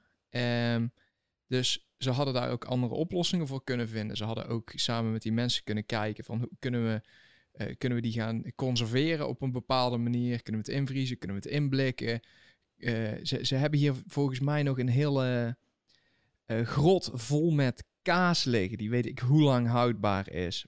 Van uit de voor, toen, toen ze de vorige keer voedseltekort hadden. Oh, en echt? volgens mij vanuit de depression nog. Oh, echt? Ja, en toen werd er ook gekeken hoe kunnen we dat uh, conserveren en alles. En, dus ik snap niet waarom ze dat nu niet doen. Nogmaals, mijn hamburger is van 12 dollar naar 16 dollar gegaan. Ja. Spaghetti. We halen hier wel een spaghetti. Dan hadden we zoiets, nou we moeten toch iets eten, even vlug iets goedkoops. Het was een tientje of zo, betalen we laatst 22 dollar. Het is hier helemaal gek geworden. Ja, het is heel duur. Ah, maar het is overal, hè. Het is niet alleen bij ons. Alleen New York is altijd al best wel duur geweest. Uh, wat ik wel zag is bijvoorbeeld dat de real estate ja, ik, in New York... Ik, ik heb ook het idee dat het daardoor minder lekker smaakt ineens. Jij, vond, jij vindt het lekkerder als het goedkoop is. Terwijl normaal vinden mensen het lekkerder als het duur is. Nee, dan, dan, uh, dat het dan meer kan ik, uh, is. als ik die prijzen nou zie, kan ik al bijna niet meer slikken. Dus dan uh, sla ik maar gewoon over. Of je slikt dan juist. Um, de, de, de, de, wat ik wel zie is dat de real estate prijzen in de stad die zijn gewoon aan het stijgen. Maar buiten de stad, waar iedereen naartoe is gevlogen en, en, en gevlucht, die zijn allemaal omlaag aan het gaan. Dus mensen proberen toch wel terug te komen naar New York. Maar ik vraag me af als we weer een lockdown. Ik denk dat de meeste Amerikanen dat gewoon niet pikken. Maar ik ben ook verbaasd over hoeveel New Yorkers allemaal rare gedachten hebben soms dat ik ook denk van doe even onderzoek. Dit is gewoon niet wat de CDC zegt. En zelfs jou, die jij gelooft, die zegt dat niet. Dus ik ben soms nog steeds wel verbaasd. Maar um, het is uh, ja, over, over. En het, het aparte is in Amerika is dat bepaalde governors zoals Cuomo, die heeft dan uh, echt uh, naar verpleeghuizen allemaal mensen die ziek waren gestuurd, waardoor heel veel mensen in die verpleeghuizen overleden zijn. En Biden's Department of Justice wil dat niet onderzoeken. En ook niet van andere uh, gouverneurs die hetzelfde hebben gedaan. En hij heeft ook sexual allegation. Maar ondertussen is hij nog steeds de baas. Het is een beetje net zoals Hugo de Jong en Rutte. Maakt niet uit wat voor verschrikkelijke dingen ze uh, van beschuldigd worden. Ze blijven gewoon zitten. zelfs ze demissionair zijn of wat dan ook. De Blasio gaat gelukkig weg per januari, maar hij kan nog voor januari best wel veel eh, vervelende dingen regelen. Dus ehm, het, het, is. Uh, hij wil er nou voor zorgen dat we allemaal onze auto weg gaan doen, want de, door de pandemie gaan er zo weinig mensen. Ze hebben mensen zo bang gemaakt dat ze niet meer in de metro durven. Ja. Waardoor er op dit moment niet meer genoeg geld binnenkomt om, de, om het metrostelsel, het openbaar vervoer hier te bekostigen. En hun oplossing is niet om de, de, de mensen een beetje gemoedsrust te geven, maar om uh, de belasting op het houden van een auto te verhogen. Dus ze willen een soort uh, extra wegenbelasting hier invoeren om mensen aan te moedigen hun auto te verkopen. Ja, maar de tweedehands auto's die zijn ineens wel heel veel waard. Hè? Want er is zo'n tekort hier van tweedehands auto's. En ook omdat nieuwe auto's er niet zijn. Tweedehands auto's en zijn er tekort. Dus onze auto die we een jaar geleden hebben gekocht, die is nu veel meer waard. Echt duizenden dollars meer waard dan voor waar we het hadden gekocht. Super goede investering op het moment. Auto is bijna met 20% in waarde gestegen. Ja, en dat is normaal schrijven auto's af. Maar hier dus niet. Hier zijn, omdat iedereen heeft gewoon een auto nodig. En iedereen wil ineens niet meer met de public transportation. Dus wij hebben op het juiste moment dat gekocht. Maar um, het was ook nog... Wij hebben hem gekocht toen... Mensen toen, toen, toen hier... Was hier toen al een lockdown of was ja, het... is ja, al lang, die was alweer Dus die mensen waren, eh, ze waren als de dood dat heel de economie in zou storten. En die garage was al zijn auto's aan het dumpen. Ja. Dus ik dacht eigenlijk dat we. Uh, ik, ik had hem online gezien, want we waren al een half jaar aan het zoeken. Want ik vond al, ik vind altijd alles veel te duur. Dus uh, ik vond dit ook te duur. En er kwam een auto langs. Ik denk dat kan niet kloppen. Dus we hadden ook de uh, jeepgarage in de buurt gebeld om hem te checken, omdat ik dacht van dit, dit is niet goed. En die zei hij is helemaal in orde. Dus en die konden ook niks beters beters voor ons regelen. Dus vandaar. Dus uh, uiteindelijk is die, um, ja, zijn we daar wel blij mee. Maar het is voor mensen die nu een auto willen kopen, is het heel duur. Maar ook mensen die geen geld hebben of hem bijna niet gebruiken, die verdienen nu echt veel geld aan hun auto. En die is meteen verkocht. Dus dat is ook iets wat we zien. We zien dat voor de rest alles duur is. Uh, we zien dat huizen bouwen en als je iets ge gemaakt moet hebben door een uh, klusjesman of zo, die hebben het zo druk en die hebben nooit tijd. Um, de materialen zijn ook duur, alles is duurder. Dus um, het is gewoon een hele bizarre situatie. Wat ik wel wil zeggen, um, om even terug... Oké, ik wil verder nog even over hebben wat er in Amerika verder gebeurt. Dus overal en Biden en zo, die hebben het allemaal over dat ze misschien dus weer uh, vaccinatiemandates en zo gaan doen. Dus dat de Amerikanen moeten worden gedwongen om dus een spuit te nemen. Maar ondertussen is de zuidborder van Mexico is open. En mensen met COVID, die dus gewoon alle symptomen hebben, die worden niet getest, die worden niet gevaccineerd en die worden dus binnengelaten. En al meer dan een miljoen in de tijd dat Biden in office is. En die worden ook zelfs verscheept in bussen en vliegtuigen, zelfs zonder ID, naar andere plekken in Amerika. Die worden overal verspreid. Dit is echt serieus zo bizar dat dit gebeurt. En ondertussen de eigen mensen ze onderdrukken. Maar dat zie je ook in Nederland eigenlijk. Want uh, elke week komen er weer immigranten bij. Die waarschijnlijk ook niet gevaccineerd of getest zijn. Het is, uh, dit is echt een soort. Ja, het is een na. Een, wat doen ze? Ze brengen allemaal nieuwe mensen binnen. En die hebben ze andere. Dit zorgt gewoon voor frictie. En dat mensen die hard gewerkt hebben voor hun eigen leven. Dat die op een gegeven moment boos worden. En dan zijn de gevolgen niet te overzien. Um, ja, Europa denk ik wel dat, dat, dat mensen moeten, als je echt een verandering wil hebben, moet je het echt doen zoals in Frankrijk en zo, waarbij die gaan echt met miljoenen tegelijk de straat op.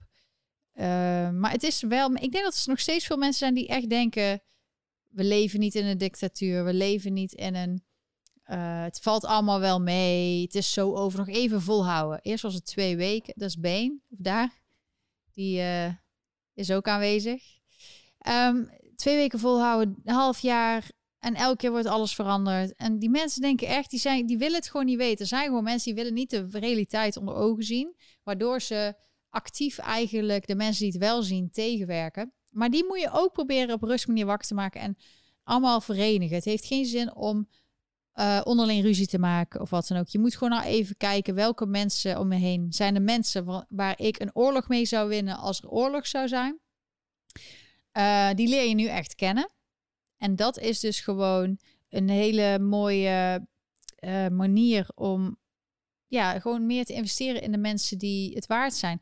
Ik merk ook dat ik sommige mensen die gewoon een heel ander beeld hebben of totaal niet doorhebben als ze gemanipuleerd worden. Die heb ik even op een laag pitje gezet. En ik heb nu meer contact met mensen die net zo hard vechten voor de waarheid en voor eerlijkheid. En die ook ehm, alles opgeven eigenlijk, hun imago of wat dan ook, om met mensen in gesprek te blijven. Want ik ook bijvoorbeeld, ik zag weer iemand, wist ik veel dat daar kon, maar je kan dus op Facebook eh, pagina's raten, of zeg je dat, vijf sterren geven. Nou, ik kreeg nul sterren, want ik ben een gevaar voor de volksgezondheid. Nou, ik heb nog nooit medisch advies gegeven, want ik ben geen dokter. Ik verwijs mensen altijd door naar dokters. Alleen ik laat mensen via mijn kanaal spreken die een andere mening hebben, omdat die niet gehoord worden. Die worden gedemoniseerd. Ik kom altijd op voor de underdog. Dat heb ik mijn hele leven gedaan. Ook als er, ik ben vroeger zelf gepest op school. Ik weet hoe erg dat is. Ehm, andere kinderen ook. Ik kwam er altijd voor op. Ik zal altijd de mensen die het niet verdienen om zo behandeld te worden opkomen. En dan kom je dus in de vuurlinie. En dan heb je ook mensen die gewoon zichzelf niet in de hand hebben en die agressief doen of rare dingen zeggen. En dan moet je gewoon een sterk schild om je heen hebben. Over agressie gesproken. Wat? We hadden weer een continuering van het verhaal van vorige week vrijdag. Ja, van de nou vertel. slash dreiging gingen we nu naar een, een persoon die midden in de Whole Foods in de supermarkt hier been van mij af wilde pakken. Ja, En daar kon de politie ook niks aan doen. Nee, dat dus was... het wordt eh, steeds gekker. Ja, want ze kunnen niks doen met dakloze mensen die in winkels komen en die alles leegroven. En de politie kan niks meer doen, de security mag niks doen. Dus je ziet eigenlijk video's en ook live dus dat, dat er heel veel dakloze winkels binnenkomen en die pakken alles gewoon en die plunderen alles en dan gaan ze weg en er kan gewoon niks tegen gedaan worden. Die kunnen niet opgepakt worden, want die gaan, staan meteen weer buiten. Omdat de Blasio de afgelopen jaren de levels van misdemeanor of van criminal offense verlaagd heeft. Dus die mensen staan meteen buiten. En ehm, ook daardoor lijkt het of er minder crime is. Nou, er is zoveel shootings hier nu de laatste tijd. Maar er wordt, als er niet over gepraat wordt, denken ze dat het niet bestaat. En de Blasio zegt ook van ja, social workers, die zijn, eh, er zijn heel veel social workers die werken heel goed, die helpen mensen. Er zijn een soort psychologen, die helpen mensen die het moeilijk hebben. Dus de politie hoeft er minder te interfereren. Nou, dan had er eigenlijk meer politie moeten zijn om al die andere criminaliteit aan te pakken. Ja, die, man, Laatst- die man die dit deed, Ja, die kwam ik twee blokken voor Whole Foods al tegen. toen vond je die al En- raar. Nee, die, die vond ik niet raar. Die vond iedereen raar, want die was gewoon een Aziatische man eh, aan het belagen. Die was hier achterna aan het rennen en die wilde die gewoon mishandelen. Dus er is heel veel Asian hate crimes. hè? Ja, ik weet ook niet. En, en die En man dat die wa- kwam was gewoon echt... man zwart? Nee, er was een, er was een eh, wit Hispanic, weet ik niet. Ik, ik kon het niet. De die man die- was, da- daar kon je niet zien. Die man die was helemaal rood aangelopen. Die had schuim op zijn mond staan. Die had snot over heel zijn hoofd. Ja. En die hebben ze gewoon de Whole Foods binnengelaten. Die liep eerst dus die, die man te belagen. Die, kwam, die, die andere kerel komt gewoon een hoekje omlopen. Die was zich van geen kwaad bewust en die wordt belaagd. Dus ik ben eh, echt drie blokken omgelopen. Ik heb goed gekeken of die man weg was. Want ik had, En toen zag je hem ineens weer. nou, ik had geen zin na de hele messenverhaal. Geen zin in weer zo'n achterlijke confrontatie. Dus Ja. ik denk, nou hop, wij zijn veilig de supermarkt in. Even wat spullen pakken en weer weg. En die man loopt gewoon de supermarkt in en die zegt, give me your dog, give me your dog. En die probeert been van mij af te pakken. Ja, is echt heel erg. Been was gelukkig heel rustig, want als wij boos worden, dan houdt hij zich gekoest. Ehm, maar andersom zou die hij ons ook beschermen. Maar in ieder geval, die, eh, jij hebt meteen ook de stad gebeld van hoe kan ik me verdedigen? En wat was het verhaal hier in de stad? Eh, weglopen. Gewoon weg blijven lopen. En de politie bellen. Ik zeg, ja, maar dan word ik neer... Vo voordat de politie er dan is, dan ben ik waarschijnlijk neergestoken. Nee, je moet gewoon echt weg blijven lopen. en de politie bellen. Nee, Ja. dat, dat lukt soms. En dan komt de politie en die doet toch niks. En met zo'n persoon doen ze ook niks. Want als zij... eh, Ik heb het vermoeden dat dit een verwarde dakloze man was. En ehm, die moeten ze dan... eh, onderdak bieden. Dus de Ja. politie die laat hun meestal gaan, omdat ze hun geen onderdak kunnen bieden. Ja. Iemand zegt hier pepperspray, maar dat vroeg ik dus ook. Ehm, dat kun je doen, maar dan zijn er van die, van die randdebielen die, ondanks dat zo'n persoon jou fysiek aanvalt, hun bij gaan staan en jou aan gaan klagen. Ja, Dus het enige wat je kan doen, is de hele dag met een bodycam lopen, zodat als er zo'n pannenkoek jou aan wil klagen, dat jij Bewijs beeldmateriaal hebt. Gelukkig is dit in Whole Foods gebeurd. Dus als ik eh, verder stappen had moe- moeten ondernemen, had het in ieder geval op video gestaan. Maar dan is het ook maar de vraag: wil zo'n Whole Foods meewerken? Wil Amazon meewerken aan zo'n Ja. onderzoek? Of zijn die bang dat zij dan weer Ja. eh, in een kwaad daglicht staan? Dus eh, ik loop nu met mijn telefoon om mijn nek. Eh, alles in de gaten op te houden. nemen de hele dag. En als er niks gebeurd is, wist ik de video. Als er wel iets gebeurt, knip ik het uit. Zo triest is het gewoon. Maar de, de, ja, de reden dat ik zei was hij zwart, is omdat er hier in de buurt ook een man was die allemaal eh, Aziatische mensen in elkaar sloeg. En er wordt altijd heel erg gedaan of het blanke mensen zijn. Maar we hebben dat zelf gezien dat het een donkere meneer was die dat deed. Ehm, maar ze proberen dat heel erg. Je moet Maar jij vroeg je af of het dezelfde man was Ja. toevallig. Nee, nee, nee, dat is niet... Ja, GoPro. Ik, ik ga een GoPro kopen. Dus eh, wij houden jullie gewoon wat dat betreft op de hoogte. Maar het is, ehm, ja, het is gewoon bizar. Ik ben benieuwd waar jullie het over willen hebben. Willen jullie het bijvoorbeeld hebben over in Nederland over de prikbussen? Nou, dan vraagt iemand, waar is je blaffer? Een Maar blaffen? Een blaffer is een, een geweer. Oh ja. maar dat nee, is hier iets, iets, ja, iets moeilijker. want je een, eh, moet hier... eh, heel Ja. erg streng. Je moet kunnen bewijzen dat je eh, dat jij of een, een familielid in levensgevaar is en dan mag je een vergunning aanvragen. Ik weet niet of dit onder levensgevaar valt, maar ik vind slashje. Ik weet niet, eh, dat is, dat is eigenlijk gewoon eh, verminken, zeg het maar. is gewoon, ik denk dat wij uiteindelijk, wij zijn in het proces eh, om hier weg te gaan. Ehm, als je dat over haar stuurt, dan gaat alles mis. Dus we zijn heel rustig. Zoals ik al zei, ik ben zelf wel dingen aan het inpakken. We zijn ehm, eh, aan het kijken waar we naartoe gaan. Texas en Florida ziet er gewoon heel interessant uit. Maar het kan ook zijn dat we gewoon een, eh, een, een van kopen en dat we gewoon gaan rondreizen. Als je Tot we weten waar we willen zetten. ja, want ook als je geen kinderen hebt, dat is echt heerlijk als je geen kinderen hebt. In Amerika is het zo fijn dat als wij nog kinderen willen hebben de komende 10 jaar of 20 jaar, wanneer, dan kunnen wij gewoon kinderen ook adopteren en zo. Dus wij zijn wel vrijer als in Nederland. In Nederland moet je echt op je 40ste beslissen of je, iets, of je een kind wil adopteren, of dat je kinderen wil hebben, of dat je, eh, hier heb je ook heel veel dat ehm surrogaatmoeders, dat kan allemaal. Dus we hebben hier wat meer vrijheid. En omdat wij dus met z'n drieën zijn, Been, ik en Dirk, kunnen wij gewoon dadelijk ook lekker nog gaan rondreizen. En dan kunnen we kijken wat we ervan vinden. Het is ook leuk om eh, livestreams te blijven doen. Maar het is eh, alles, eh, ja, go with the flow. Maar ik kan niet zeggen dat New York echt heel veel vooruit is gegaan. Ik hoop dat bij de nieuwe burgemeester het verbetert. Ik ben benieuwd wie het wordt. Eric Adams lijkt erop dat hij de meeste kans heeft. Een oud politieofficer, maar hij is ook een beetje arrogant. En sommigen zeggen dat hij corrupt is. Dus ja, ik heb zoiets, daar gaan we weer. Maar upstate New York heb je heel veel New Yorkers die echt die passie, die echte New Yorker mentality nog hebben. De New York tough. En ehm, ja, in, in New York City zelf moet alles maar kunnen.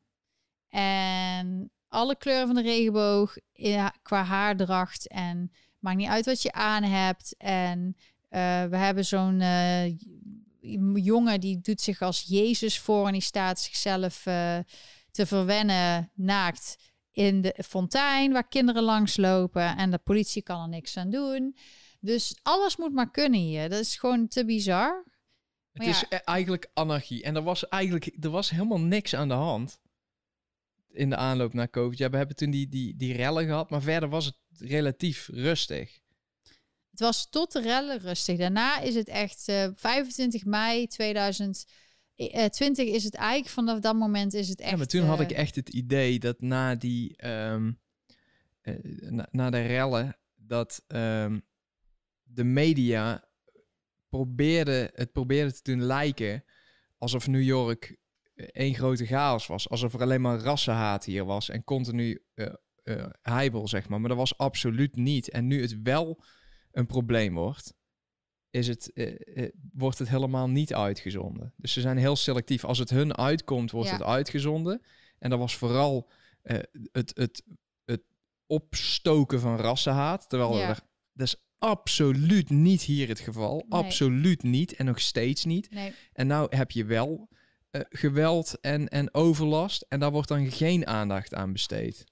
Ja, ik heb eh, de mensen hier in de omgeving, maakt niet uit hoe ze eruit zien, eh, die, die doen gewoon aardig tegen elkaar. Dus het is niet. Er zijn maar enkelingen die heel extreem zijn, die heel erg rare dingen zeggen. Maar de meeste mensen proberen gewoon, die denken medemens, eh vredelievend, samenwerken. Dus dat is dan wel nog een fijn, fijn iets. Maar ik vind dat hele verplichten van alles, dat vind ik echt. En ook als je ziet wat de feiten zijn, dat, dat al die immigranten gewoon binnen mogen komen met ziektes. Dat is gewoon bewezen dat zij COVID. Er was één hotel ergens, ik geloof dat Texas was, was helemaal COVID-positief. Maar ja, ik praat ook over wat er echt in Amerika gebeurt volgens ons. En dan zie je gewoon dat er bepaalde mensen zijn, ook de officiële US correspondents, die blokken mij dan. Want ik mag niet bij hun zeggen, hey, ik zie het anders.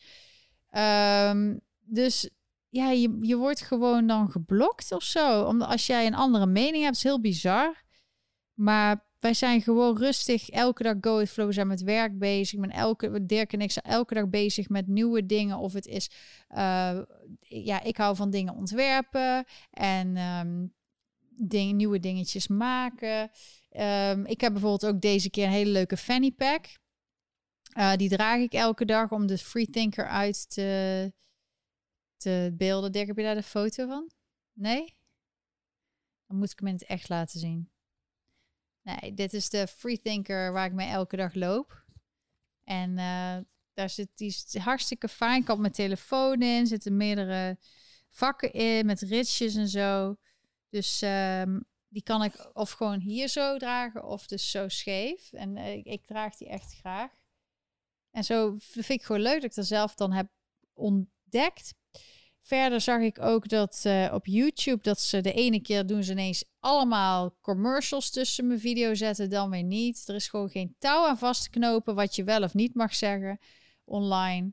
Ehm, dus ik hoop wel dat er uiteindelijk een verbetering is of een ander platform waarbij ik live chats kan doen, want dat is natuurlijk wel eh, wel belangrijk. Ik zou ook nog van jullie wat? Oh, je hebt de foto. Je kijkt zo heel verrast. Ja, zo loop ik dan over straat. Met, die kun je dus ook in de webshop eh, halen. Met de Freethinker fanny pack. En eh, wat lach jij, Dirk? Zegt iemand, zeg je nou een tranny bag? Nee, fanny pack. Fanny. Ik loop ook altijd met mijn Freethinker. Ehm dus ja, we blijven gewoon doorgaan en met mensen praten. Hoe als je boos in je eigen wereld zit, word je alleen maar depressief, boos. En je mag best een dag hebben dat je je wat minder voelt. Maar het leven, je leeft maar één keer. Het heeft geen zin om bang te zijn. Je weet niet hoe je uiteindelijk doodgaat. Iedereen gaat dood. Dat is een feit. Als je dat accepteert. Ehm, ik zag ook eh, heel erg dat er in Nederland een jongetje met zijn broer, een jong talent, voetbaltalent.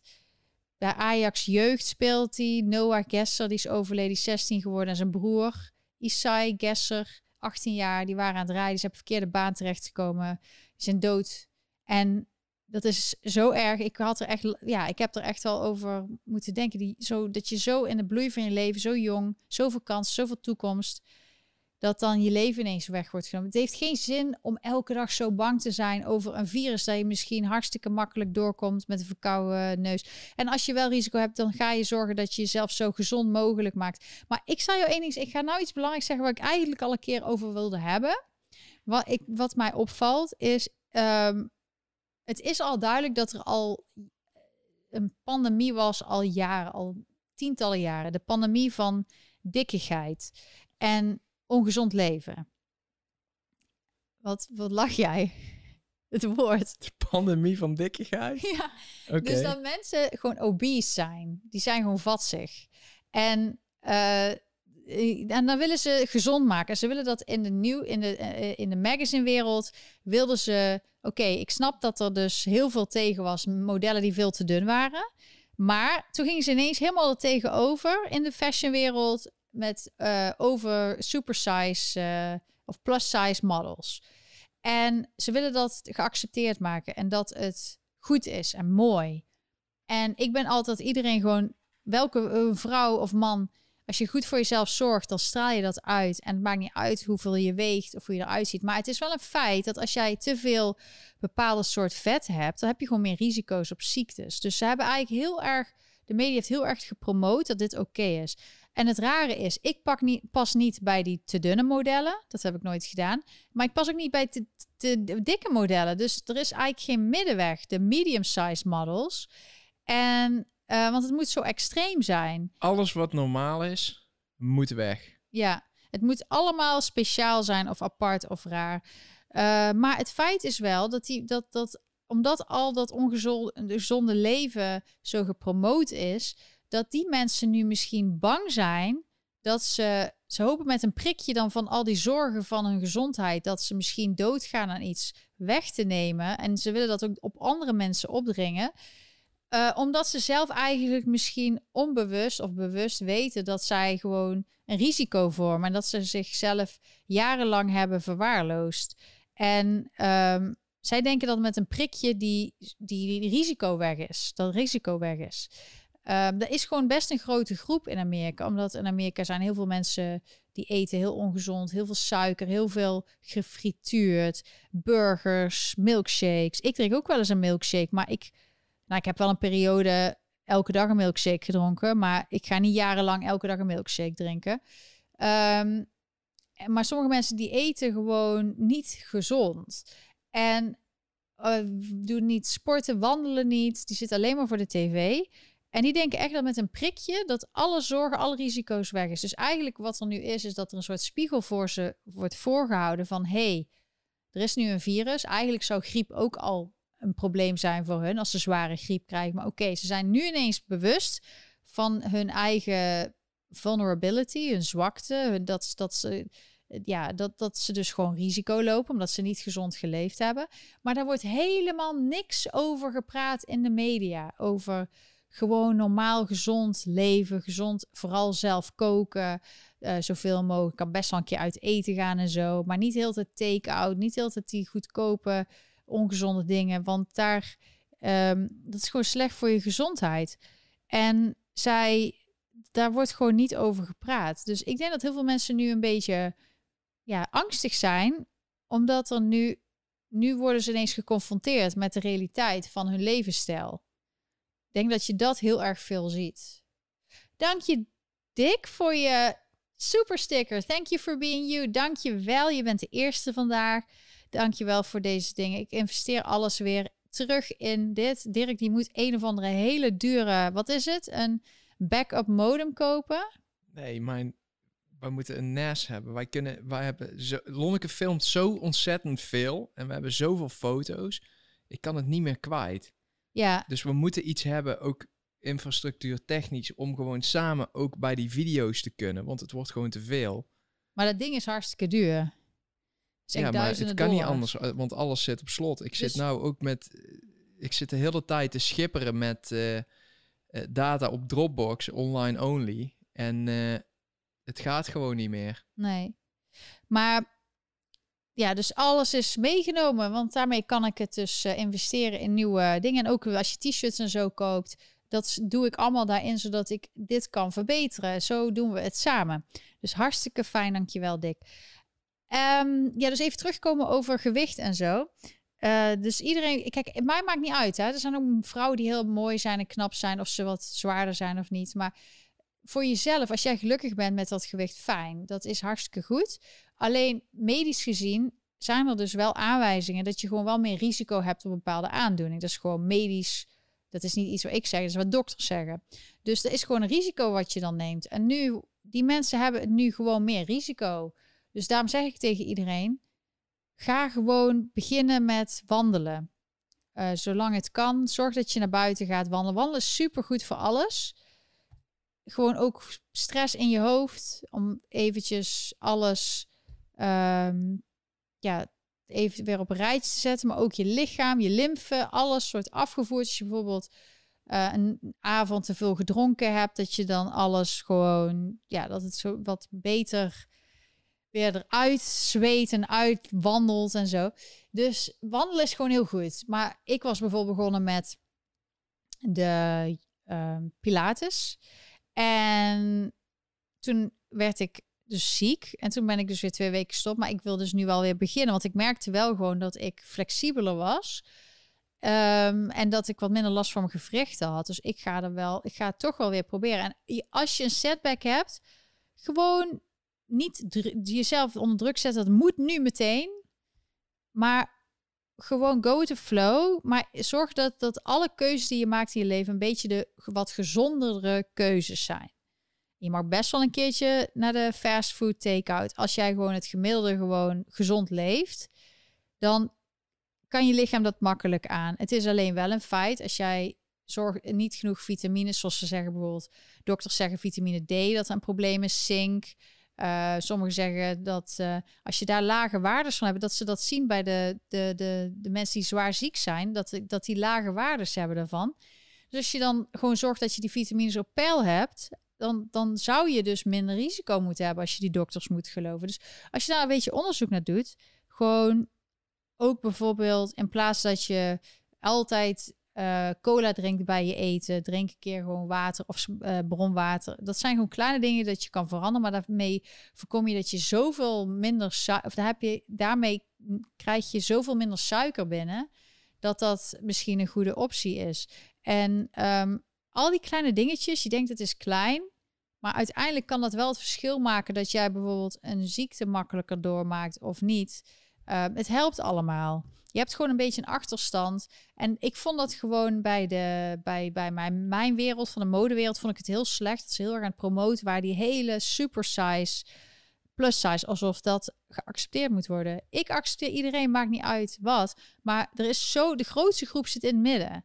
En daar is dan niemand voor. Het is toch hetzelfde als die uh, vrouwen nou met die billenimplantaten. Die zie je hier ook steeds meer. Ja. Dus te bizar voor woorden. Is net ze compleet misvormd zijn. Maar je ziet het continu op tv. En die mensen doen dit gewoon. En een Kanda WAP uh, generatie. Wat jij zegt. Ja, dus er zijn al die video's en zo. Het is gewoon een bepaalde trend bij sommige mensen. Maar dat, het, het gaat gewoon over dat ze, ze willen dat mensen met een, uh, een eigen lichaam accepteren, maar dan gaan ze zo extreem. Terwijl er is zo, de grootste groep zit in het midden. En daar moet meer aandacht voor zijn. Dank je Kent voor je voor you voor je sticker. Een, uh, ook net als Dick een hele loyale kijker en supporter. Dank je wel. Ook een vaste. Ik ben helemaal mijn maandelijkse supporters, waaronder Kent en um, Jelle, Elja, José, um, Astrid en Hugo. Die zijn mijn vast. Die doen elke maand. Zie je ook op mijn website. Kun je kiezen bij je maandelijkse donatie. Dan krijg je elke of elke maand iets leuks. Of met kerst krijg je iets leuks. Kun je zelf kiezen of je maandelijks wil steunen. Ik doe zelf ook uh, andere mensen steunen. Bijvoorbeeld de kapiteinenlijn heb ik al een keer gezegd. En um, ja, misschien dat, uh, dat andere, dat ik daar ook ga steunen. Welke andere? Nee, jij wil bijvoorbeeld Roddelpraat. Ja, de leukste entertainment rubriek van Nederland. Um, ja, als je geen blad voor de mond neemt over. Uh, kijk, ik zeg altijd wel eens: je hebt. Um, altijd wel eens. Ik zeg altijd wel eens. Ik zeg wel eens. Ik zeg altijd. Dinges. Altijd wel eens. Dinges, ja. Um, nee, maar. Je Dat, hebt, dit moet je op een t-shirt zetten. Ik zeg altijd wel eens dinges. Lonneke zegt altijd zinnen. En er is geen touw aan vast te knopen. Dat is een soort van smurf, smurven, smurfde. En dan mag je zelf de woorden invullen. En ik ben ondertussen ontzettend goed geworden in Lonneke zinnen ontrafelen. Ja, maar jij hebt ook echt... Jij verzint nieuwe woorden. Ik maak rare zinnen. Jij verzint ja, echt ik hele nieuwe... En, de taal. En, en, liedjes. Oh my god. Jij moet echt een kindercd maken met allemaal liedjes. Allemaal nou, meezingers. ik denk niet dat die liedjes geschikt zijn nee, voor kinderen. Nee, die zijn niet geschikt. Okay. Ze zijn wel heel grappig. Hij heeft echt creativiteit. Dat wil je niet weten. Maar um, even terug naar het onderwerp. Ik zeg altijd, er is uh, het nieuws, de mainstream media. En dan heb je de roddelwereld. Uh, uh, zo de RTL Boulevard en zo. Maar dat is heel veel promotie. Dat is niet vaak de echte wereld, de echte roddels. En, of de echte waarheid. Ehm, en, en Jan Roos en eh, Dennis Schouten, die zeggen gewoon wel gewoon wat eigenlijk altijd dan bijvoorbeeld in vertrouwen wordt gedeeld. Want dat doen heel veel celebrities onderling. Die weten van alles van elkaar. Maar dat wordt nooit, dat is not done om dat te delen met het publiek. En hij denkt echt, ik zeg gewoon alles wat ik weet. Of wat, ik, wat mijn mening is.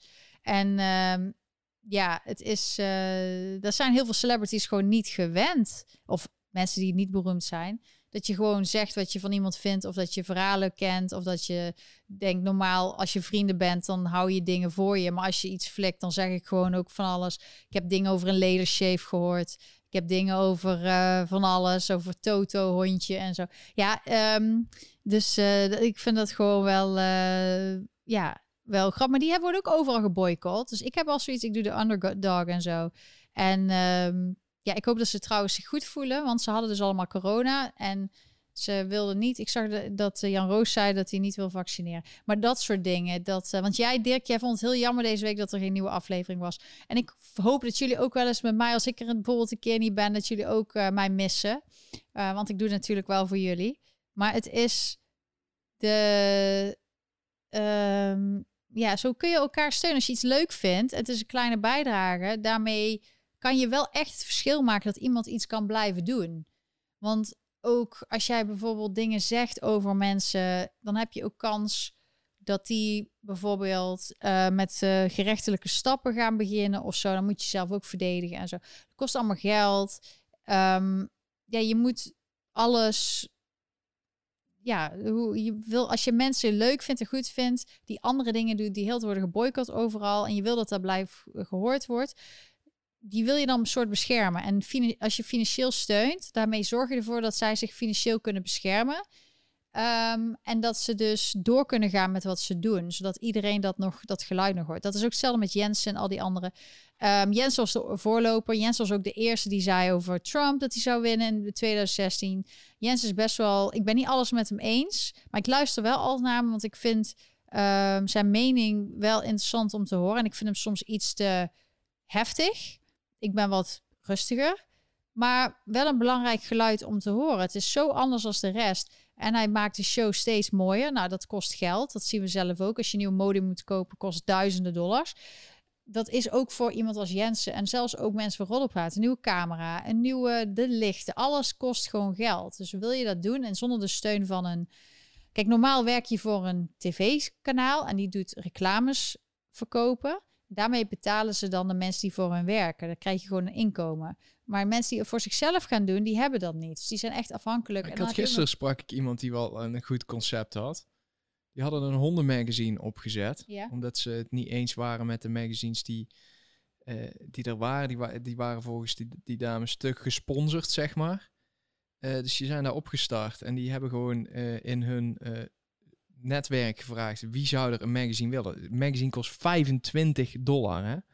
25 dollar. Oh ja? ja. Maar dat is dan een exclusief magazine en dan die doen alleen dan nee, Ze hebben gewoon gevraagd wie wil er een hebben en die hebben zoveel inschrijvingen gehad. Die hebben een magazine geprint en dan zeggen ze luister als als als je er meer wil hebben dan zo je uh, als jij er ook een wil hebben en je bent niet bij de eerste lichting geweest, dan zo je uh, om je heen mensen moeten motiveren om zich ook in te schrijven. En dan doen we een volgende druk. En een magazine komt elke twee maanden uit.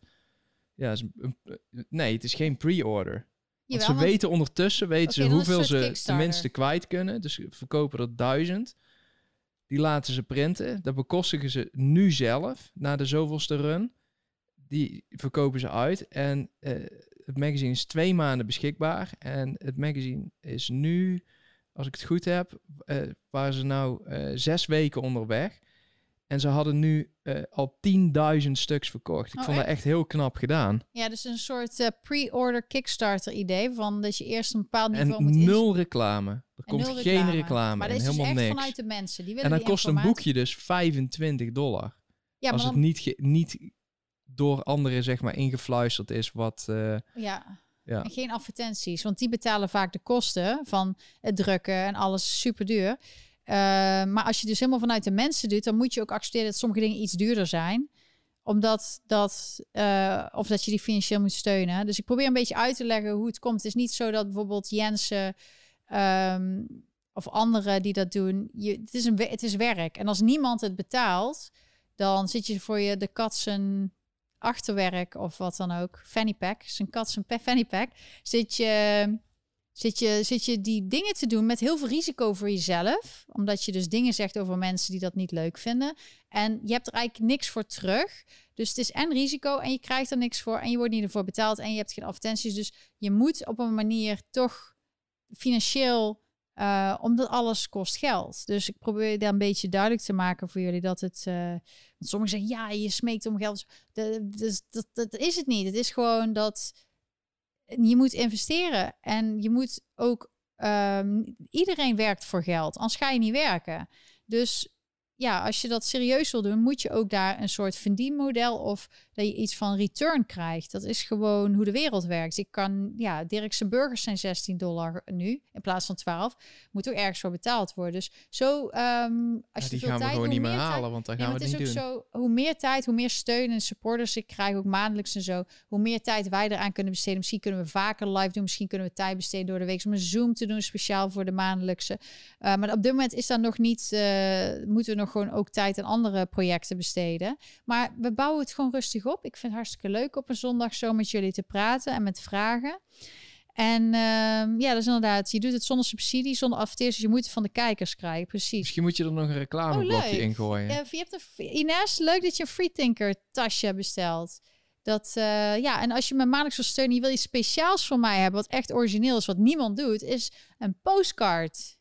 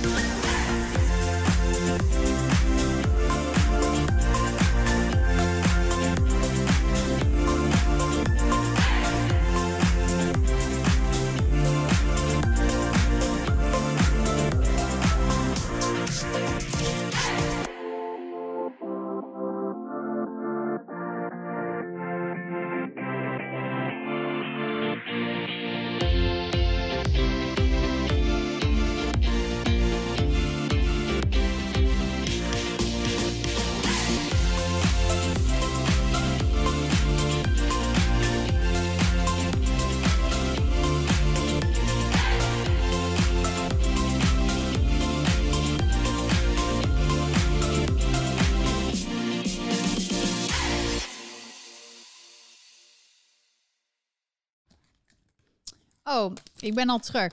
Um, ik heb even een snackje genomen. Ik heb nieuwe snacks. Ik wil ook altijd tips en dingetjes en zo. Dit is van Brad's. En dit zijn veggie flats. En dit is gemaakt van cauliflower. En um, ja, er zijn een soort crackers gemaakt van cauliflower. En ik had nog geen lunch gegeten. Dus uh, ja, en die zijn dus heel lekker. Wat zit erin? Cauliflower. Er zit uh, chickpeas, garbanzo beans. Wat is dat in Nederlands? Kikkererwten. Dus uh, bloemkool, kikkererwten, pompoenzaadjes, um, flaxseeds. Wat is dat? Lijnzaad. Lijnzaad. Zonnebloemzaadjes. Apple cider vinegar. Dus appel vinegar, hoe zeg je dat? Um, uh, appelazijn. Um, We geloven citroen, het wel. Citroenjuice, chia seeds, Himalaya sea salt en onion power. En er zit verder niks powder. Verder dit dit is niet gesponsord, hè? Dit is niet, is gesponsord. Nee, ik heb dit nu. Ik probeer elke keer iets nieuws uit. Ik heb dit zelf gekocht. Um, ja, de prijs staat er niet eens meer op. Maar ja, ik probeer toch altijd nieuwe gezonde snacks uit. En sommige zijn lekkerder dan andere. Maar heel veel dingen, daar zit allemaal suiker in. Iemand zei ook in de chat net babyvoeding. Er zit ook heel veel suiker in. Soms. Dus dat kun je ook beter zelf maken. Dan moet je, je moet altijd de ingrediëntenlijst kijken. En um, ja, de snack is helemaal niet slecht. Maar als je gewoon dingen eet die misschien wat beter voor je zijn. Of als je zelf snacks maakt. Zo is altijd gewoon heel goed. Um, Ja, die Bragg Life Food biologische appelazijn, die eet neem ik ook. En dat is ook goed voor schoonmaken en voor... ehm, tenminste, ik gebruik dat ook voor andere dingen. Gewoon eh, om, om ook groenten en zo doe ik altijd... eh, of alles, groente, fruit, als ik dat wil eten, vooral rauw, dan doe ik het eerst in een badje met water en eh, azijn. Eh, zodat alle bacteriën eraf gaan, 10 minuutjes. En dan doe ik het afspoelen. En zo die kleine dingen. Zo kun je, daarmee voorkom je misschien ook voedselvergiftiging en dat soort dingen. Ehm, ja, vinden jullie dat leuk? Ik, waar had ik het net over? Ehm, oh ja, de, Dirk die gelooft het wel inderdaad. Ehm, ik heb zelf niks met Formule 1. Want het is heel erg milieuvervuilend. Nee, maar ik zag wel dat, dat Verstappen, die werd laatst door die Hamilton eh, niet eerlijk eh, eruit geduwd. Dus dat is, eh, ja, ik weet niet. Ik vind het, ik, ik keek het vroeger wel, maar nu heb ik zoiets. Er zijn wel andere dingen aan ons hoofd. Ook met de Olympische Spelen. Ik volg het nu gewoon niet. Want het is gewoon, dit is gewoon niet leuk hoe het nu gaat. Geen, geen publiek en allemaal rare manier van. Is er geen publiek? Nee, Ga weg. nee, er is geen publiek. Jongens toch. Ja, het is echt bizar. Dan ga je toch niet helemaal naar Tokio vliegen? Ja, maar het slaat ook nergens op. Want ze mogen wel voor de Olympische Spelen daar naartoe. En wij hadden hier iemand en die moest daarheen voor de begrafenis van zijn moeder. En die kon daar niet naartoe. Dat is gewoon belachelijk. Dat is gewoon je- echt iemand ziek. zegt, eh, ben even de draad kwijt. Nou, ik ben ook de draad kwijt. Maar ik wacht altijd op jullie of jullie een vraag hebben of een onderwerp waar ik het over heb. Maar ik heb vandaag wel steun gehad, maar ik heb niet echt een bepaalde, ja, eh, iets, een onderwerp Ik, gehad. wat ik denk dat iedereen aan het wachten is op wat er nu weer gaat gebeuren. Wat gaat er gebeuren? Dat is de verrassing. Dat weten we allemaal nog niet. Wat gaat er gebeuren? Dat weet ik niet. Wa- Hoe bedoel je, wat gaat er gebeuren? Wat de volgende stap is. Of we nou weer in een lockdown gaan. Of dat we nou weer een prik nummer drie krijgen. Oké, Of wat je... dat we nou acht mondkapjes op moeten. Wie weet. Je hebt hier best wel veel Amerikanen die hebben echt zoiets van prepare. Dus dat zijn ehm, ja, doomsday preppers. Dat waren de extremen, die doen dat al jaren. Maar nu zijn er echt mensen die zeggen, zorg gewoon dat je genoeg eten hebt, water. eh, dat je uit de steden gaat. Eh, want ze voelen de gewoon, en heel veel mensen voelen de energie dat het gewoon, dat ze, deze mensen gaan doorduwen. Vooral dat mensen niet een vaccinatie willen. Dat zie je nu al. Ze hebben geen common sense, geen gezond verstand. Ze blijven doorduwen alsof ze dictators zijn. Maar dat is hier wel belangrijk. Want Ja. hier is die eviction moratorium. Die is weg. Ja, we Dus leggen mensen even uit wat kunnen nu- is. Leg even. eh, als je hier huurde, kon je niet uitgezet worden. Sinds vorig periode. jaar, toch? Ja, en heel veel mensen, voor heel veel mensen is dat goed. Maar ehm, er zijn ook heel veel mensen die daar ontzettend misbruik van gemaakt hebben. Wij kennen hier in de buurt zelfs voorbeelden van mensen die achterlijk veel geld per maand betalen voor huur. En die zeggen nu ineens, ja, maar we hebben ook geen geld meer. Dus wij eh, betalen niks meer. En je kan ons toch niet uitzetten. Ehm, dus die, dat is nou opgeheven. Dus heel veel landlords die zijn daardoor hun vastgoed kwijtgeraakt. Eh er is gewoon ontzettend veel misbruik van gemaakt. Dus dat is opgeheven. Ehm, normaal gesproken is het zo dat je iemand binnen eh, drie maanden uit zou moeten kunnen zetten. Dus dat is al best lang. Gemiddeld, gemiddeld genomen drie maanden. Als de desbetreffende persoon een hele goede jurist heeft, zeg maar de tegenpartij, dan eh, kun je dat makkelijk een jaar uitstellen. Alleen nu is er zoveel backlog, zeg maar, dat ik denk dat dit eh, gemiddeld dadelijk wel een jaar kan duren voordat iemand uitgezet wordt. Maar 31 juli zou het dus eh, eindigen. En ehm, ze gaan hier zes weken met vakantie voor recess of recess. En er is dus niet een nieuwe extensie geregeld. Dus Biden heeft gezegd, dan moeten lokaal de staten regelen. Maar normaal zou het vanuit Congress of zo zou dat geregeld moeten worden. Dat is niet gebeurd. Ze, hebben ze gaan gewoon allemaal naar huis, vakantie. Dat betekent, ik zag iets van een miljoen mensen of zo, die kunnen dan uit huis gezet worden. Dus dan zou je de komende periode heel veel mensen zien die ineens op straat leven. eh, omdat die eh, uit huis gezet zijn. Dus ehm, ja, maar je kan het ook niet constant maar blijven uitstellen. Want die landlords, die hebben bij sommige plekken gewoon al jaar, een jaar geen geld gehad. En die kunnen dan dadelijk hun rekeningen ook niet betalen. Dus die gaan ook failliet. Dus dan gaan alleen maar de rijke mensen, die blijven over. Die kopen alles op. En de middel, die raakt alles kwijt. Samen met de armste mensen. Dus dan krijg je alleen maar een hele elite die alles heeft. En heel veel mensen die het allemaal niet meer kunnen betalen. En je ziet ook dat de rijke mensen de afgelopen jaren nog rijker zijn geworden. Er zijn een paar nieuwe miljardairs bijgekomen door de farmaceutische eh, industrie. En ehm, de. Ja, ik- wat, wat, heb, ja, wat zou met cyberattack? Want dan zeggen ze nou allemaal over dat dat gaat gebeuren. En dan kunnen we bijvoorbeeld niet meer livestreamen of wat dan ook. Maar is er een manier, Dirk, om jezelf daarvoor te beschermen? En wat zijn dan andere manieren? Of, wat, of heb je, kan je helemaal niks? Ik denk ook dat er enorm...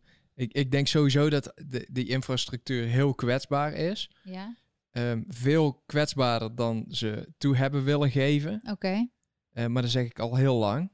Ehm, en ik denk dat er tegelijkertijd dadelijk ontzettend misbruik van gemaakt wordt. Dat ze zeggen, ja, maar we moeten de toegang tot het internet blokkeren vanwege cyberattacks, bla bla bla. En dan krijg je gewoon zo- zo'n soort China-toestand hier. Ja. ja ik, ehm, We- we- Het internet vaccineren, of wat was het? Ja, wat Swap zei? immunize. Immunize. dus dat. eh, maar dan kan het toch niet zo zijn dat alles ineens eruit ligt? Of kan er wel? Kunnen ze alles in één keer uitschakelen? We hebben toch een paar keer gehad dat hier eh, eh, een heel groot deel plat lag in New York. In ieder geval, Ja, maar ik wat bedoel, was het? kunnen ze de hele wereld plat leggen dan? Nee, Dat kan niet, toch? nee. Oké, dus er is nog hoop. nee dat we- wat heb je toen gezien in eh, Egypte? Daar hebben ze toen Oh ja, zeg maar het internet uitgezet, zeg maar. Ja.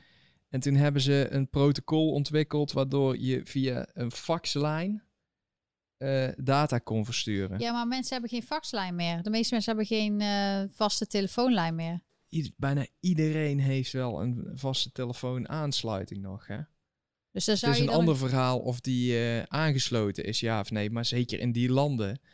Kijk, hier wordt dat gewoon lastiger waarschijnlijk. Maar Ja. je kan wellicht een protocol verzinnen waarbij je gebruik maakt van alle mobiele telefoons.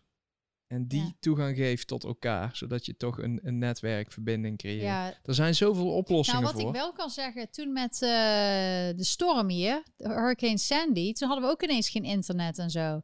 En toen hadden we, dat was ook wel raar. En toen zijn we, ehm, toen konden we alleen telefoon gebruiken, dus geen internet. Dus ook geen tv, geloof ik. Alleen onze telefoonlijn. Dus dat was 2012. Dus ik weet wel een beetje hoe het is. Ik had ook zo'n ra ik heb zo'n radiootje. eh, wat op, eh, wat op, ja, dat was in mijn duurzame tijd. Kocht ik allemaal dingetjes die eh, niet op elektriciteit, maar gewoon op zonne-energie of op draai, weet je dat je het op kan draaien. Die had ik dan gekocht. En ehm, die, dat heb ik nog wel, zo'n radiootje voor het geval dat. Maar ja, als je nog tips hebt zelf, ook, ook voor elkaar, om elkaar te hebben van, ja, als het dus toch fout gaat en mensen gaan raar doen op straat en zo, hoe kun je jezelf beschermen? Laat het weten. Ehm, ik zie een aanbeveling. Dankjewel van Dick, dankjewel. Geen vraag, wel een aanbeveling. Vandaag een interessant interview gezien op Rumble met Naomi Seipt. Zoek op hoe is Naomi Seipt. Oké, dat gaan we dus allemaal doen na deze video. Gaan we allemaal kijken. En ik zie één iemand zit heel erg... eh, In de time-out. Die zit heel erg in de time-out. Ja, die heeft een vraag gesteld. Maar ik zeg altijd, eh, de vragen in de chat, ehm, ja, die, daar kijk ik naar. En als ik die wil beantwoorden, dan, eh, dan doe ik dat wel. En, maar de mensen die dus een eh, superchat sturen, die krijgen gewoon de voorrang. Want die willen echt, die hebben serious commitment om voor mij mijn tijd en aandacht om het dus te bespreken. Maar eh, en ook tips, dit soort dingen kan ook. Hè? Dus als je een tip hebt of je wil dat andere mensen daar eens naar kijken, dan kan dat ook. En over eh, wat er met de Capital is gebeurd, daar heb ik al in vorige aflevering heb ik erover gehad. Dat eh, wij daar niet het volledige eh, informatie van krijgen. Want als je de mainstream media hoort en de Capital Commissie, dan hoor je andere dingen als dat je op alternatieven, dan zie je andere video's van toen. En daar wordt over gepraat. En er worden bepaalde dingen heel veel aandacht besteed en op andere niet. Dus eh, ik zou iedereen aanraden om daar volledig onderzoek naar te doen. En ehm, een feit is wel dat ik de dag voordat al die Trump-supporters naar, Ame- naar de Capitol gingen, naar de eh, rally van Trump, wat op een afstand was van de capital. Ze moesten best wel eind lopen om daar naartoe te komen. Toen heb ik tegen hun gezegd, don't let them taunt you into violence. Zo van, ze willen proberen je uit te lokken, dat had ik het gevoel. Maar doe het niet, want daar gaan ze misbruik van maken. Nou, uiteindelijk is dat dus precies wat waar ik een voorgevoel had, is gebeurd. Dat het helemaal fout is gegaan. Dat ze dat heel erg gebruiken tegen hun anti-Trump en anti-dingen. Dus uh, dat is uh, wel heel erg um, ja, opvallend. Dus ik had er eigenlijk al een voorgevoel. En maar ja, we hebben daar het laatste woord er niet over gezegd. We zullen er meer nog over horen. Er zijn gewoon mensen mee bezig om, om ook het onderste uit de kant te halen. Ook die commissie is allemaal goed. Alleen Amerikanen, twee derde van Amerika wil graag ook een commissie over alle rellen afgelopen jaar. En die vinden dat die uh, meten met twee maten, die overheden over de hele wereld doen. Dat vinden ze zo erg. Ze willen best dat over dat soort dingen gepraat wordt, maar ze willen ook dat er gepraat wordt over andere ernstige zaken. En daar wordt dan weer niet over gepraat. Dus dat is heel frustrerend voor veel mensen. Um, ja, dus ik ga maandag, um, um, even terug te komen op die postcard. Ik ga maandag, uh, dus morgen ga ik weer al mijn uh, kaartjes versturen voor de maandelijkse supporters. Dus je hebt nu nog een kans om dat ook eentje te krijgen voor deze maand. Ga dan naar lonneke.com en naar de maandelijkse donatie en kies dan de, de, het level met um, de, waarbij je een maandelijkse kaart krijgt. Dan zie ik dat nog vanavond en dan schrijf ik ook een kaartje voor jou.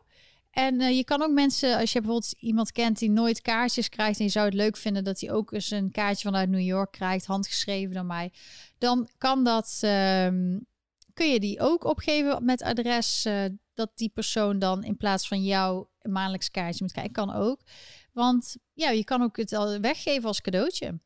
Ik weet dat de mensen die het maandelijks krijgen, die, die vinden het heel leuk. Het is een soort cadeautje elke maand in de mailbox. Dus ik blijf gewoon lekker druk bezig met dat soort dingen. Om toch iets van value te geven. Of het is om een t-shirt of iets zodat je jezelf kan uitdragen. Of um, antwoord geven op je vraag. Of juist zoals Dick een, een comment te geven en een uh, aanbeveling. Dat iedereen dat ziet op de video. Zo, zo probeer ik toch. En een kaartje te schrijven. Allemaal manieren om jullie wat waar, waar voor je geld te geven. En um, ja, wat de toekomst gaat brengen over al die dingen, ik weet het niet. Niemand weet het. Alleen het voorgevoel of het gevoel wat we hebben nu is gewoon dat er een paar mensen zijn die proberen dit allemaal door te drukken. Maar aan de andere kant zie ik ook, ook mensen die gevaccineerd zijn, ook mensen die niet gevaccineerd zijn, samenkomen om tegen die autoritaire maatschappij, waarbij je met je telefoon een soort social credit system wat ze willen opzetten. Om dat uh, delen met, uh, ja, samen ertegen te vechten, want dat is niet de bedoeling. Het was de bedoeling om deze, om dit te, de pandemie tegen te gaan, maar niet om een heel nieuw technisch online systeem op te zetten voor alle burgers om die zo te volgen. Zo voelen veel mensen zich. Als je dat ook in onderzoek doet hoe het in China gaat, dat je bonuspunten krijgt als je iets goed doet. Maar als je een keer verkeerd de straat over gaat, dan wordt het weer afgetrokken. Nou, dan, moet je, dus, dan word je helemaal gek. Dan moet je elke dag helemaal perfect zijn en denken, oh, ik moet het niet doen, want anders is mijn social credit system. Dat je hele leven wordt daardoor beïnvloed. Dus dat is nog tien keer erger als nu met de pandemie, hoe dat jouw leven beïnvloedt. Nu heb je nog wel eens dagen dat je met mensen praat en dat je het er niet over hebt. Maar dan is alles beïnvloed door dat. Is dat waar we naartoe willen? Want uh, dit is hoe zij, waar zij mee bezig zijn, waar we naartoe gaan. En sommige mensen denken, ja, ik neem, ik nam een prik en ben ik er vanaf en dat is wel handig, een app en zo. Maar die mensen, op een gegeven moment, zoals ik eerder zei, willen ze misschien niet een prik of worden ze gedwongen om elke zes maanden een prik te nemen. En dan vinden ze het ook niet meer leuk en dan ben je te laat. Dus we zien gewoon dat er bepaalde dingen gebeuren nu, die in het verleden al ooit gebeurd zijn, die niet een goed... Uh, ja, niet een positief beeld geven over de toekomst. En wat doe je dan? Laat je dat gebeuren met het risico dat het helemaal fout gaat? Of spreek je je uit en zeg je, hé, hey, dit klopt niet. Dus deze week op mijn social media, volg me ook Twitter, uh, Gather, um, Gap, Telegram. Ja, ik ben ook nog op Facebook. Uh, so, ja, de, ga ik Lonneke Engel, at Lonneke Engel. Gebruikt iemand nog Facebook?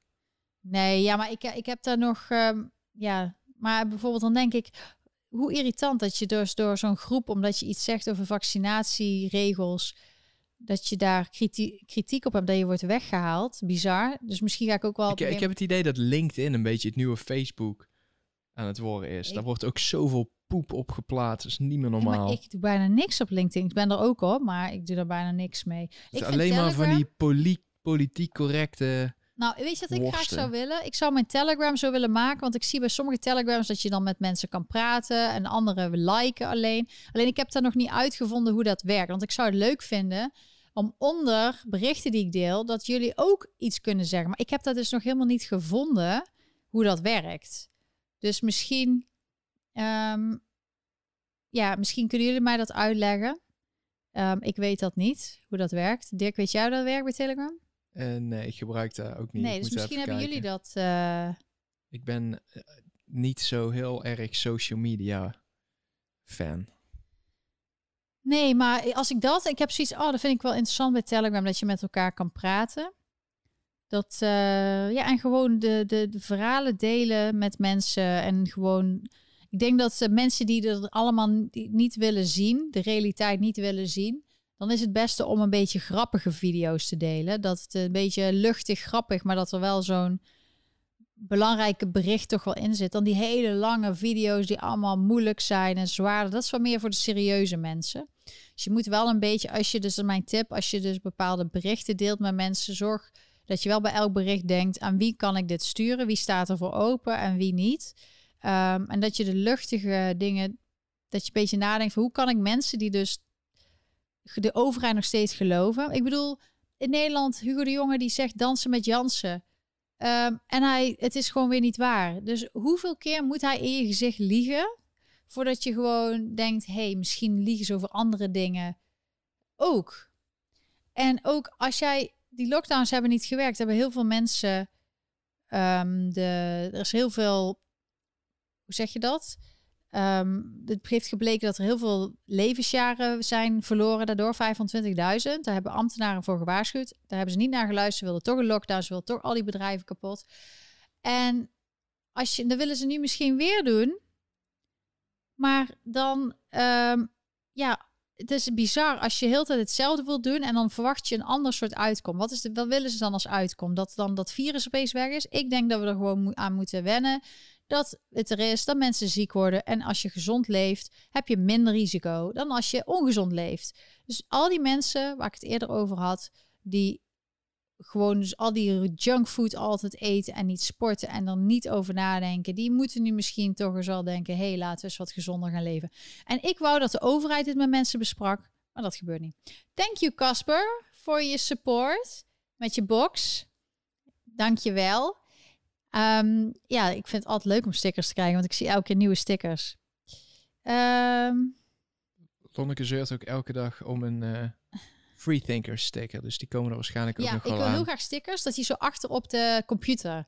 Maar ik moet ook zeggen, ik heb altijd die... Dit is een uh, sample mock van de Freethinker. Dit was ook mijn eerste t-shirt. Ik heb hem iets verbeterd. Um, het logo iets hoger gezet bij de officiële. Um, de ja, ik vind het gewoon, als ik dat zo zie, is iets positiefs. Het is kleurrijk, het is vrolijk. Het zegt toch, het is een message voor mensen die erover nadenken. Zoals cancel, cancel culture. Dan kijken ze eens naar de tv en oh, een tv wat op, ja, um, op, uh, hoe noem je dat? Uh, dat beeld, op dat uh, testbeeld of ruis staat. En dan cancel, cancel culture. Van mensen die alles cancelen. Bijvoorbeeld dat ik geblokt word bij zo'n ding. Nou, ik vind het bizar dat mensen... Kijk, ik blok ook wel eens mensen als ze begint te schelden of als ze bedreigen.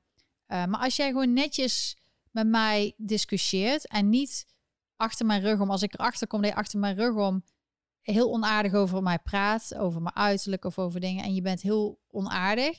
Uh, ik ben een beetje Sherlock Holmes. Ik vind al heel vaak dingen uit. Ik heb uh, in het verleden best wel veel. Ja, ik heb een soort ik, ja, ik weet niet. Ik zou best wel goed onderzoeksjournalist kunnen zijn, denk ik. Want ik vind, als ik, ik zie heel vaak verbanden en dan zie ik dat iets niet klopt. Ik onderzoek en dan kan ik dat zo uitleggen waarom het niet klopt. Maar ik zie daardoor ook vaak wel ehm, berichten van mensen die dan in mijn gezicht heel aardig achter mijn rug gewoon heel onaardig. Kijk, dan heb ik ook zoiets, dan hoef je mijn tweets niet te zien. Maar als je gewoon iets kritisch zegt over een en je hebt er een goede reden zoals ik dat had, ik vind het bizar dat je dan mensen blokt. Je wil dat toch horen, wat de andere kant zegt. Ja, dus gewoon zonder schelden, gewoon normaal met elkaar. Ehm, Victor, je zegt. eh, ja, die, die, die eh, Victor, je zegt die, die shirts die staan er net pas op. Dus Dirk heeft die er net opgezet, net voor deze uitzending. Die staan er allemaal op. Ehm, vind ik het leuk om met een- iemand anders een stevige discussie te hebben? Oh, leuk. Kent? Ik heb drie, je hebt de drie cancel cancel culture shirts. Nou, ik ben benieuwd. eh, Stuur de foto's op. Ik vind het echt leuk. En dan kun je gewoon tegen mij zeggen of je het wel of niet, of ik dat in de uitzending mag laten zien. Maar dan heb ik in ieder geval het. Ik vind dat gewoon leuk om te zien zelf. Dus tips.lonneke.com. En als je het niet wil, mag het ook hoor. Maar ik vind dat wel leuk wat mensen. Als je niet wil, dan hoeft het niet. Nee, als je niet wil, hoeft het niet. en ehm, ja, ik zie. ehm, nu zijn de, de prijzen allemaal. Ja, jij, jij zei dat er wat problemen waren met. eh, Nee, die, die- je kan... Oké, dit is... Het is wij moeten gewoon gebruik maken van die platform, Ja. omdat... eh, dat heeft met belasting te maken. Dat is gewoon veel te moeilijk hier. ja, Eh, en anders is het heel, heel duur om die aangifte en zo te verzorgen. Dat, dat is gewoon nog geen optie. Ehm, maar dit is dus weer een ander platform. En die eh, calculeert de prijzen ook op basis van eh, de print, zeg maar, die erop komt. Ehm, en dat, ga, eh, dat is niet helemaal in te schatten. Want deze zou dan eigenlijk 24,95 moeten zijn. Maar die maken ze dan weer 50 cent duurder. Ja, het is heel raar. En Ja, ik krijg daar eh, geen controle Wij houden op. er zelf niet zoveel eh, over, maar dan heb je wel een heel vet t-shirt. Ik bedoel, ik draag mijn t-shirt ook. eh, het, ja, het zijn gewoon eh, fijne t-shirts. En er zijn heel veel kleuren. En ik heb de, deze heb ik in zwart gedaan, want ik vind dat gewoon. Iemand vroeg ook wit. Misschien in de toekomst doe ik dat, maar ik vind het wel krachtig zwart met. Dan komt die wolk zo uit. Dirk, jij wou ook bijvoorbeeld truien met rood doen. Maar ik luister ook naar jullie. Als je feedback hebt van dit zou ik leuk vinden om te bestellen. Ehm, ja, en ik maak gewoon die designs. Ik ontwerp. Niemand heeft zo'n. Dit is een origineel design. Die cancel culture is een origineel design. En de volgende zal ook een beetje in die lijn zijn, maar met een andere quote. Ehm, en zo, zo proberen we elke keer wat leuke dingen te maken die ook als het in de kast blijft liggen, twintig jaar later, dat je verhaal hebt om je kleinkinderen of je kinderen te vertellen van hé, hey, toen was papa, die moest opkomen voor onze rechten. Of mama. Of als je geen kinderen hebt, ik heb een, eh, ik kan zeggen ik heb een doos, maar ik bedoel ik heb een eh, doos met herinneringen. En eh, daar doe ik dus, dat heb ik al vaker gezegd, daar doe ik om de zoveel tijd dingen in die ik belangrijk vind. ehm, om te herinneren. Omdat ik het belangrijk vind in deze digitale tijd, waarbij alles online is, waarbij de helft eh, verwijderd wordt, dat je tastbare herinneringen bewaart. En dat je dan als je 60, 70 bent, misschien ga je dementeren, omdat blijkbaar is er onderzoek naar dat bepaalde vaccinaties misschien lang, op lange termijn of virussen ehm, ja, iets met dementie, dat daar iets mee te maken heeft. Daar is eigenlijk onderzoeken naar. Dat is niet iets wat ik zeg, dat is een onderzoek naar. Nou, stel je voor je gaat, wordt dement, dan heb je een, die doos met al die herinneringen. En eh, dan komt dat terug. En dan, daarmee kun je je hersenen ook trainen. Dus herinneringen zijn niet alleen leuk voor om te hebben, maar ook belangrijk op lange termijn. Dus daarom ben ik altijd zo op mensen te, te, te pushen dat ze ook gewoon hun al is het een ticket van een festival waar je bent geweest, een concert of wat dan ook, dat als je ouder wordt en je moet jezelf trainen, dat je dus die herinneringen terug kan halen, maar ook voor je kleinkinderen. Want wie, als niemand iets meer bewaart, dan hebben onze toekomstige generatie heeft niks meer om naar te kijken. Want als er zo'n cybertech komt en die doet alles verwijderen, dan is er niks. Dan is er een periode waarin niks is voor de nieuwe generatie. Nou, dat willen we niet. Dus dit is er ook een van. Ehm, het kan niet zijn waar je draagt, maar ik heb ook eh, t-shirts van vroeger die ik had gemaakt. Ik heb pas met een volleybaltoernooi meegedaan. Had ik zelf t-shirts gemaakt. Die liggen in de doos, is 20 jaar geleden. En die doos doe ik wel eens open. En dan zie ik, dan denk ik, oh, dan denk ik allemaal weer aan hoe leuk het was met mijn teammates. Dat we met z'n allen gingen volleyballen. En dat eh, wij helemaal niet zo goed waren. Eén jaar waren we wel goed, hadden we eh, zelfs een prijs gewonnen. We hadden niet geoefend, maar we deden gewoon mee. was gewoon leuk. Eh, en dat was altijd super gezellig. Dus, maar ja, je moet die herinneringen wel vast blijven houden. Dus daarom probeer ik ook dingen te produceren die naast dat het eh, mij steunt, nogmaals, als dezelfde met Jens en anderen, die verdienen niet veel geld aan de t-shirts, maar een paar euro hier en daar. Dus, uh, maar het is gaat. Maar het gaat ook om de boodschap. Het hè? gaat om de boodschap, want je doet de boodschap uitdragen, je laat daarmee zien dat je mij steunt. En, um, en triggert misschien mensen in een gesprek. Ja, precies. En, en je hebt een herinnering aan dat je bijvoorbeeld over twintig jaar dat je terugdenkt, weet je nog dat ik met Lonneke in de live chat aan het praten was? Dat we daar elke zondag naar luisteren in die tijd toen het allemaal zo raar was met de pandemie. Want één ding wat ik zeker weet is, over deze tijd wordt over 20, 30, 40 jaar nog steeds gepraat. Dan zullen er boeken over geschreven zijn. Maar hoe mooi zou het zijn als jij die persoon bent die alle herinneringen heeft en die bijvoorbeeld een dagboek bijhoudt, uh, dat jij die persoon bent die het verhaal kan vertellen. Dus dat is even heel erg uh, uit. Victor, je zegt, ik ga het met trots dragen. Ja, ik ook. En um, um, ja, ik heb voor kinderen dus zo groot op de voorkant. Ik had het uh, nu een beetje subtiel op het, op het hart gedaan. Maar in de toekomst kan best zijn dat ik misschien die ook voor de volwassenen groter doe. Het ligt ook een beetje aan wat jullie zouden willen. Ik wil graag cancel, cancel, of sorry, free thinker op een gekleurd t-shirt, omdat er die uitsneden zijn ik denk dat het er super vet uitziet. Oké, dus Dirk die gaat iets ontwerpen. Die gaat eentje dadelijk met kleur doen. Um, en op een gegeven moment online zetten. Ja, ik vind zelf de zwart mooi. Dus dan ben ik benieuwd hoe dat eruit ziet. Dus dat gaan we vanzelf uh, zien. Ja, kunst ook, inderdaad. Gewoon blijven creëren. Wij zijn ook elke dag bezig met die foto's. Wat zeg je? Je hebt bijna een hele batterij leeggeluld. Ja, we gaan ook zo stoppen, maar ik wil heel eventjes... Dus het kan zijn dat hij daar uitvalt en dan moet ik batterij wisselen. Maar ondertussen gaan we nog even verder. Rood of groen, zegt iemand. Is er nog iets, ik kijk nu even in de chat voor de mensen. Is er nog iets waar je, waar je vindt, daar heb ik geen aandacht aan besteed? Dan kunnen we nu nog even over praten. Anders volgende week. Um, nee, het zit niet aan de stekker. Het is uh, op een batterij. En dan, uh, want volgende week zullen er vast weer nieuwe dingen. Oh ja, hebben jullie die, die scène gezien van Biden, die dus een persconferentie had, waarbij hij een kaartje kreeg van een medewerker en er stond op, Sir, there's something on your chin. En toen kreeg je dat en iedereen kon dat dus la later lezen.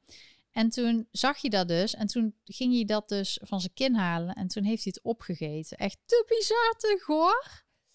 Maar ja, zoek die video op, het is echt best wel vies. Oh, nou ben ik weg. Nou zijn we weg.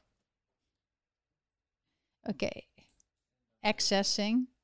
No signal and support. hey, er is een foto. No signal.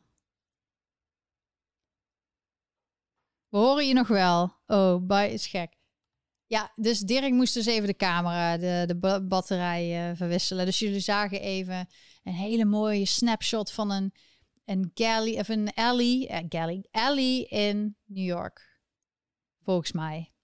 Wij zijn doorgegaan tot het einde. Ja, superleuk. Ja, dat het internet crasht al. nee, maar ik, zie, ik vind het leuk dat we een groep vaste mensen hebben elke week. Waarbij we een beetje met elkaar ja, een soort vaste waarde. Ik heb er zelf ook veel aan. Ik probeer elke week. Vorige keer kon ik er niet, had ik echt geen stem. Uh, ik vroeg Dirk nog, wil jij het overnemen? Maar daar vond hij toch weer te veel uh, van het goede. Ik kan ook echt niet zo lang praten ja, als jij. Echt. Ik kan echt misschien wel met een wedstrijd meedoen. Voor wie het langste door. Ik kan over alles wel iets praten als ik er iets het, van Het is ook niet zo dat dit stopt als, dit, als de camera dadelijk uit is. Dat, het gaat gewoon door. Ja, maar dat is gezellig. Ik kan echt, dat is iets wat ik wel geleerd heb uit mijn werk. Ik kom altijd. Behalve ochtends vroeg. Nee, ochtends vroeg tot, tot 12 soms uur. wel eens tot drie uur gaat het door, s'nachts. Ja. En dan s ochtends dus... moeten we weer aan de bak. En dan is het. Ja, maar dat is typisch voor uh, mijn aandoening. Dat je s'avonds energie hebt en s ochtends niet. Oh, dus we noemen dat gewoon een aandoening. Nee, dat is echt. Oké. Okay. Ja, ik heb ook praatziekte. Uh, Talkatitis. Talkatitis. Maar dat is een soort infectie. Itis is uh, infectie. Maar uit mijn werk uh, als model, dan, dan werk je op verschillende plekken. En dan moet je dus mensen die je niet kent.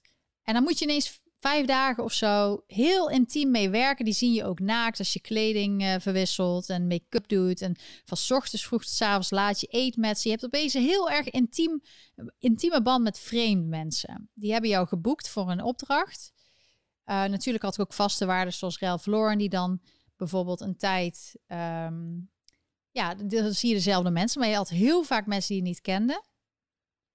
En toen, ehm, toen heb ik dus echt geleerd dat je gewoon moet leren praten met mensen. Anders is het heel awkward. Dan is heel raar als je daar zit en je zegt niks. Dus ik heb met mensen uit allerlei, of het nou wat voor afkomst, plekken in de wereld, ehm, geleerd om met mensen te praten en om te vragen en geïnteresseerd te zijn. Omdat ik vind ook heel veel soorten mensen interessant. Ik moet eerlijk zijn, ik vind de normale mensen die gewoon een normale baan hebben, wat ik dus nooit heb gehad, vind ik interessanter dan celebrities. Want die zie, heb ik zoveel gezien dat dat boring is. En die zijn alleen maar vaak bezig met hun image. En ik wil gewoon het echte leven weten. Maar overal waar ik kwam ter wereld wilde ik graag weten hoe het normale leven daar was. Daardoor heb ik een best wel breed beeld over cultuur en hoe belangrijk het is ook is voor elk land om de cultuur te bewaren. En um, ja, gewoon een heel divers beeld, maar ook vooral het praten. Dat je met iedereen gewoon een gesprek aangaat en dat je altijd wel iets kan vinden waar je samen over kan hebben.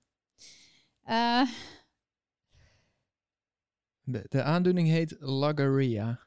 Is dat echt? Ja, dat klinkt een beetje als diarrhea, maar dan logorrhea. ja, maar verbal diarrhea is er dan. Ja. Dirk, ja, Dirk is altijd... Uh, constant need to talk. Ik, kijk, Dirk en ik hebben dan zo'n interactie, maar ik... Het is wel grappig dat hij ook met een L begint toevallig. ik lach me thuis echt heel vaak helemaal kapot. Uh, en dat is wel belangrijk, denk ik, in een relatie, dat je kan lachen met elkaar, zelfs al is alles heel rot. En we hebben best, we hebben echt zeven jaar best wel veel negativiteit meegemaakt. En gelukkig hebben wij samen elkaar wel um, in balans gehouden en toch leuk gehad, omdat je toch de humor moet houden en een beetje ja, met elkaar praten. Nou, dat kunnen we dus blijkbaar heel goed. Voor mij vooral luisteren. Ja. Voor Lonneke vooral praten. En uh, ja, ik zie dat iedereen heel erg vrolijker van wordt. Ja, dat is gewoon, uh, probeer je een beetje... Gisteren ook met de live chat ging alles mis en dan, dat is ook reality. Maar dit ook. Um, Dirk is gewoon, ja, soms heel vervelend, maar ook uh, heel grappig vaak. Dus uh, ja, dat is een beetje het verhaal altijd met als je getrouwd bent. Je moet het wel leuk houden, leuk maken samen. Nog even kijken. Ja, dus gewoon een doos, een herinneringendoos. Ik heb gewoon één doos. Ja, Dirk zit te kijken. Ga je nou weer vertellen? Ik vind dat heel belangrijk. Een doos, maakt niet uit wat formaat. In Amerika heb je, uh, heb je echt bijvoorbeeld bij TJ Maxx, dat is volgens mij in Nederland TK Maxx. Die hebben van die mooie dozen die je kan kopen. En dat is dan, daar kun je dus gewoon kleine herinneringen gooien. Of een t-shirt dat je niet meer draagt, maar die wil je wel bewaren. En die vul je dan. En op een gegeven moment is het te veel. Dan zet je er misschien een sticker op. En dan schrijf je op van welke jaren het is. Dan doe je die wegzetten. En misschien heb je op een gegeven moment heel veel van die dozen. Nou, dan kun je er een keer doorheen. Is weer leuk. Allemaal herinneringen. En dan doe je misschien denken. Oh, dit, dit is, heb ik dubbel of zo. Die haal ik weg. En dan kun je die dozen weer wat kleiner maken. Maar ik weet wel dat dingen die ik vroeger bewaarde en dan een paar jaar later keek van, oh, daar heb ik geen interesse meer in. Dan tien jaar later dacht ik, oh, heb ik dat nou weggegooid? En daar baal ik nog steeds van. Dus je moet wel heel goed. Dat heet hoarding. ja, maar ik probeer dus juist niet te hoorden door alles netjes in een doos te doen en, en dan gewoon een bepaalde doos zo. Oei, oei, oei, als mensen toch eens wisten wat er in dat kamertje achter jou stond. Ja, maar dat is omdat we gaan verhuizen, Dirk. Er staan allemaal dozen. Die zijn helemaal vol met dingen van keuken, keukenmateriaal, kleding, uh, handdoeken. En dingetjes waarvan je denkt, oh, als ik dat nou weggooi, denk ik misschien over 25 jaar, oh, had ik dat maar nooit nee, weggegooid. ik heb er best veel weggegooid. Maar ik moet ook dingen bewaren waar ik dan ja, uh, kunstdingetjes van maak en zo. Ik probeer wel echt, uh, het huis is verder heel netjes opgeruimd. Dus je moet...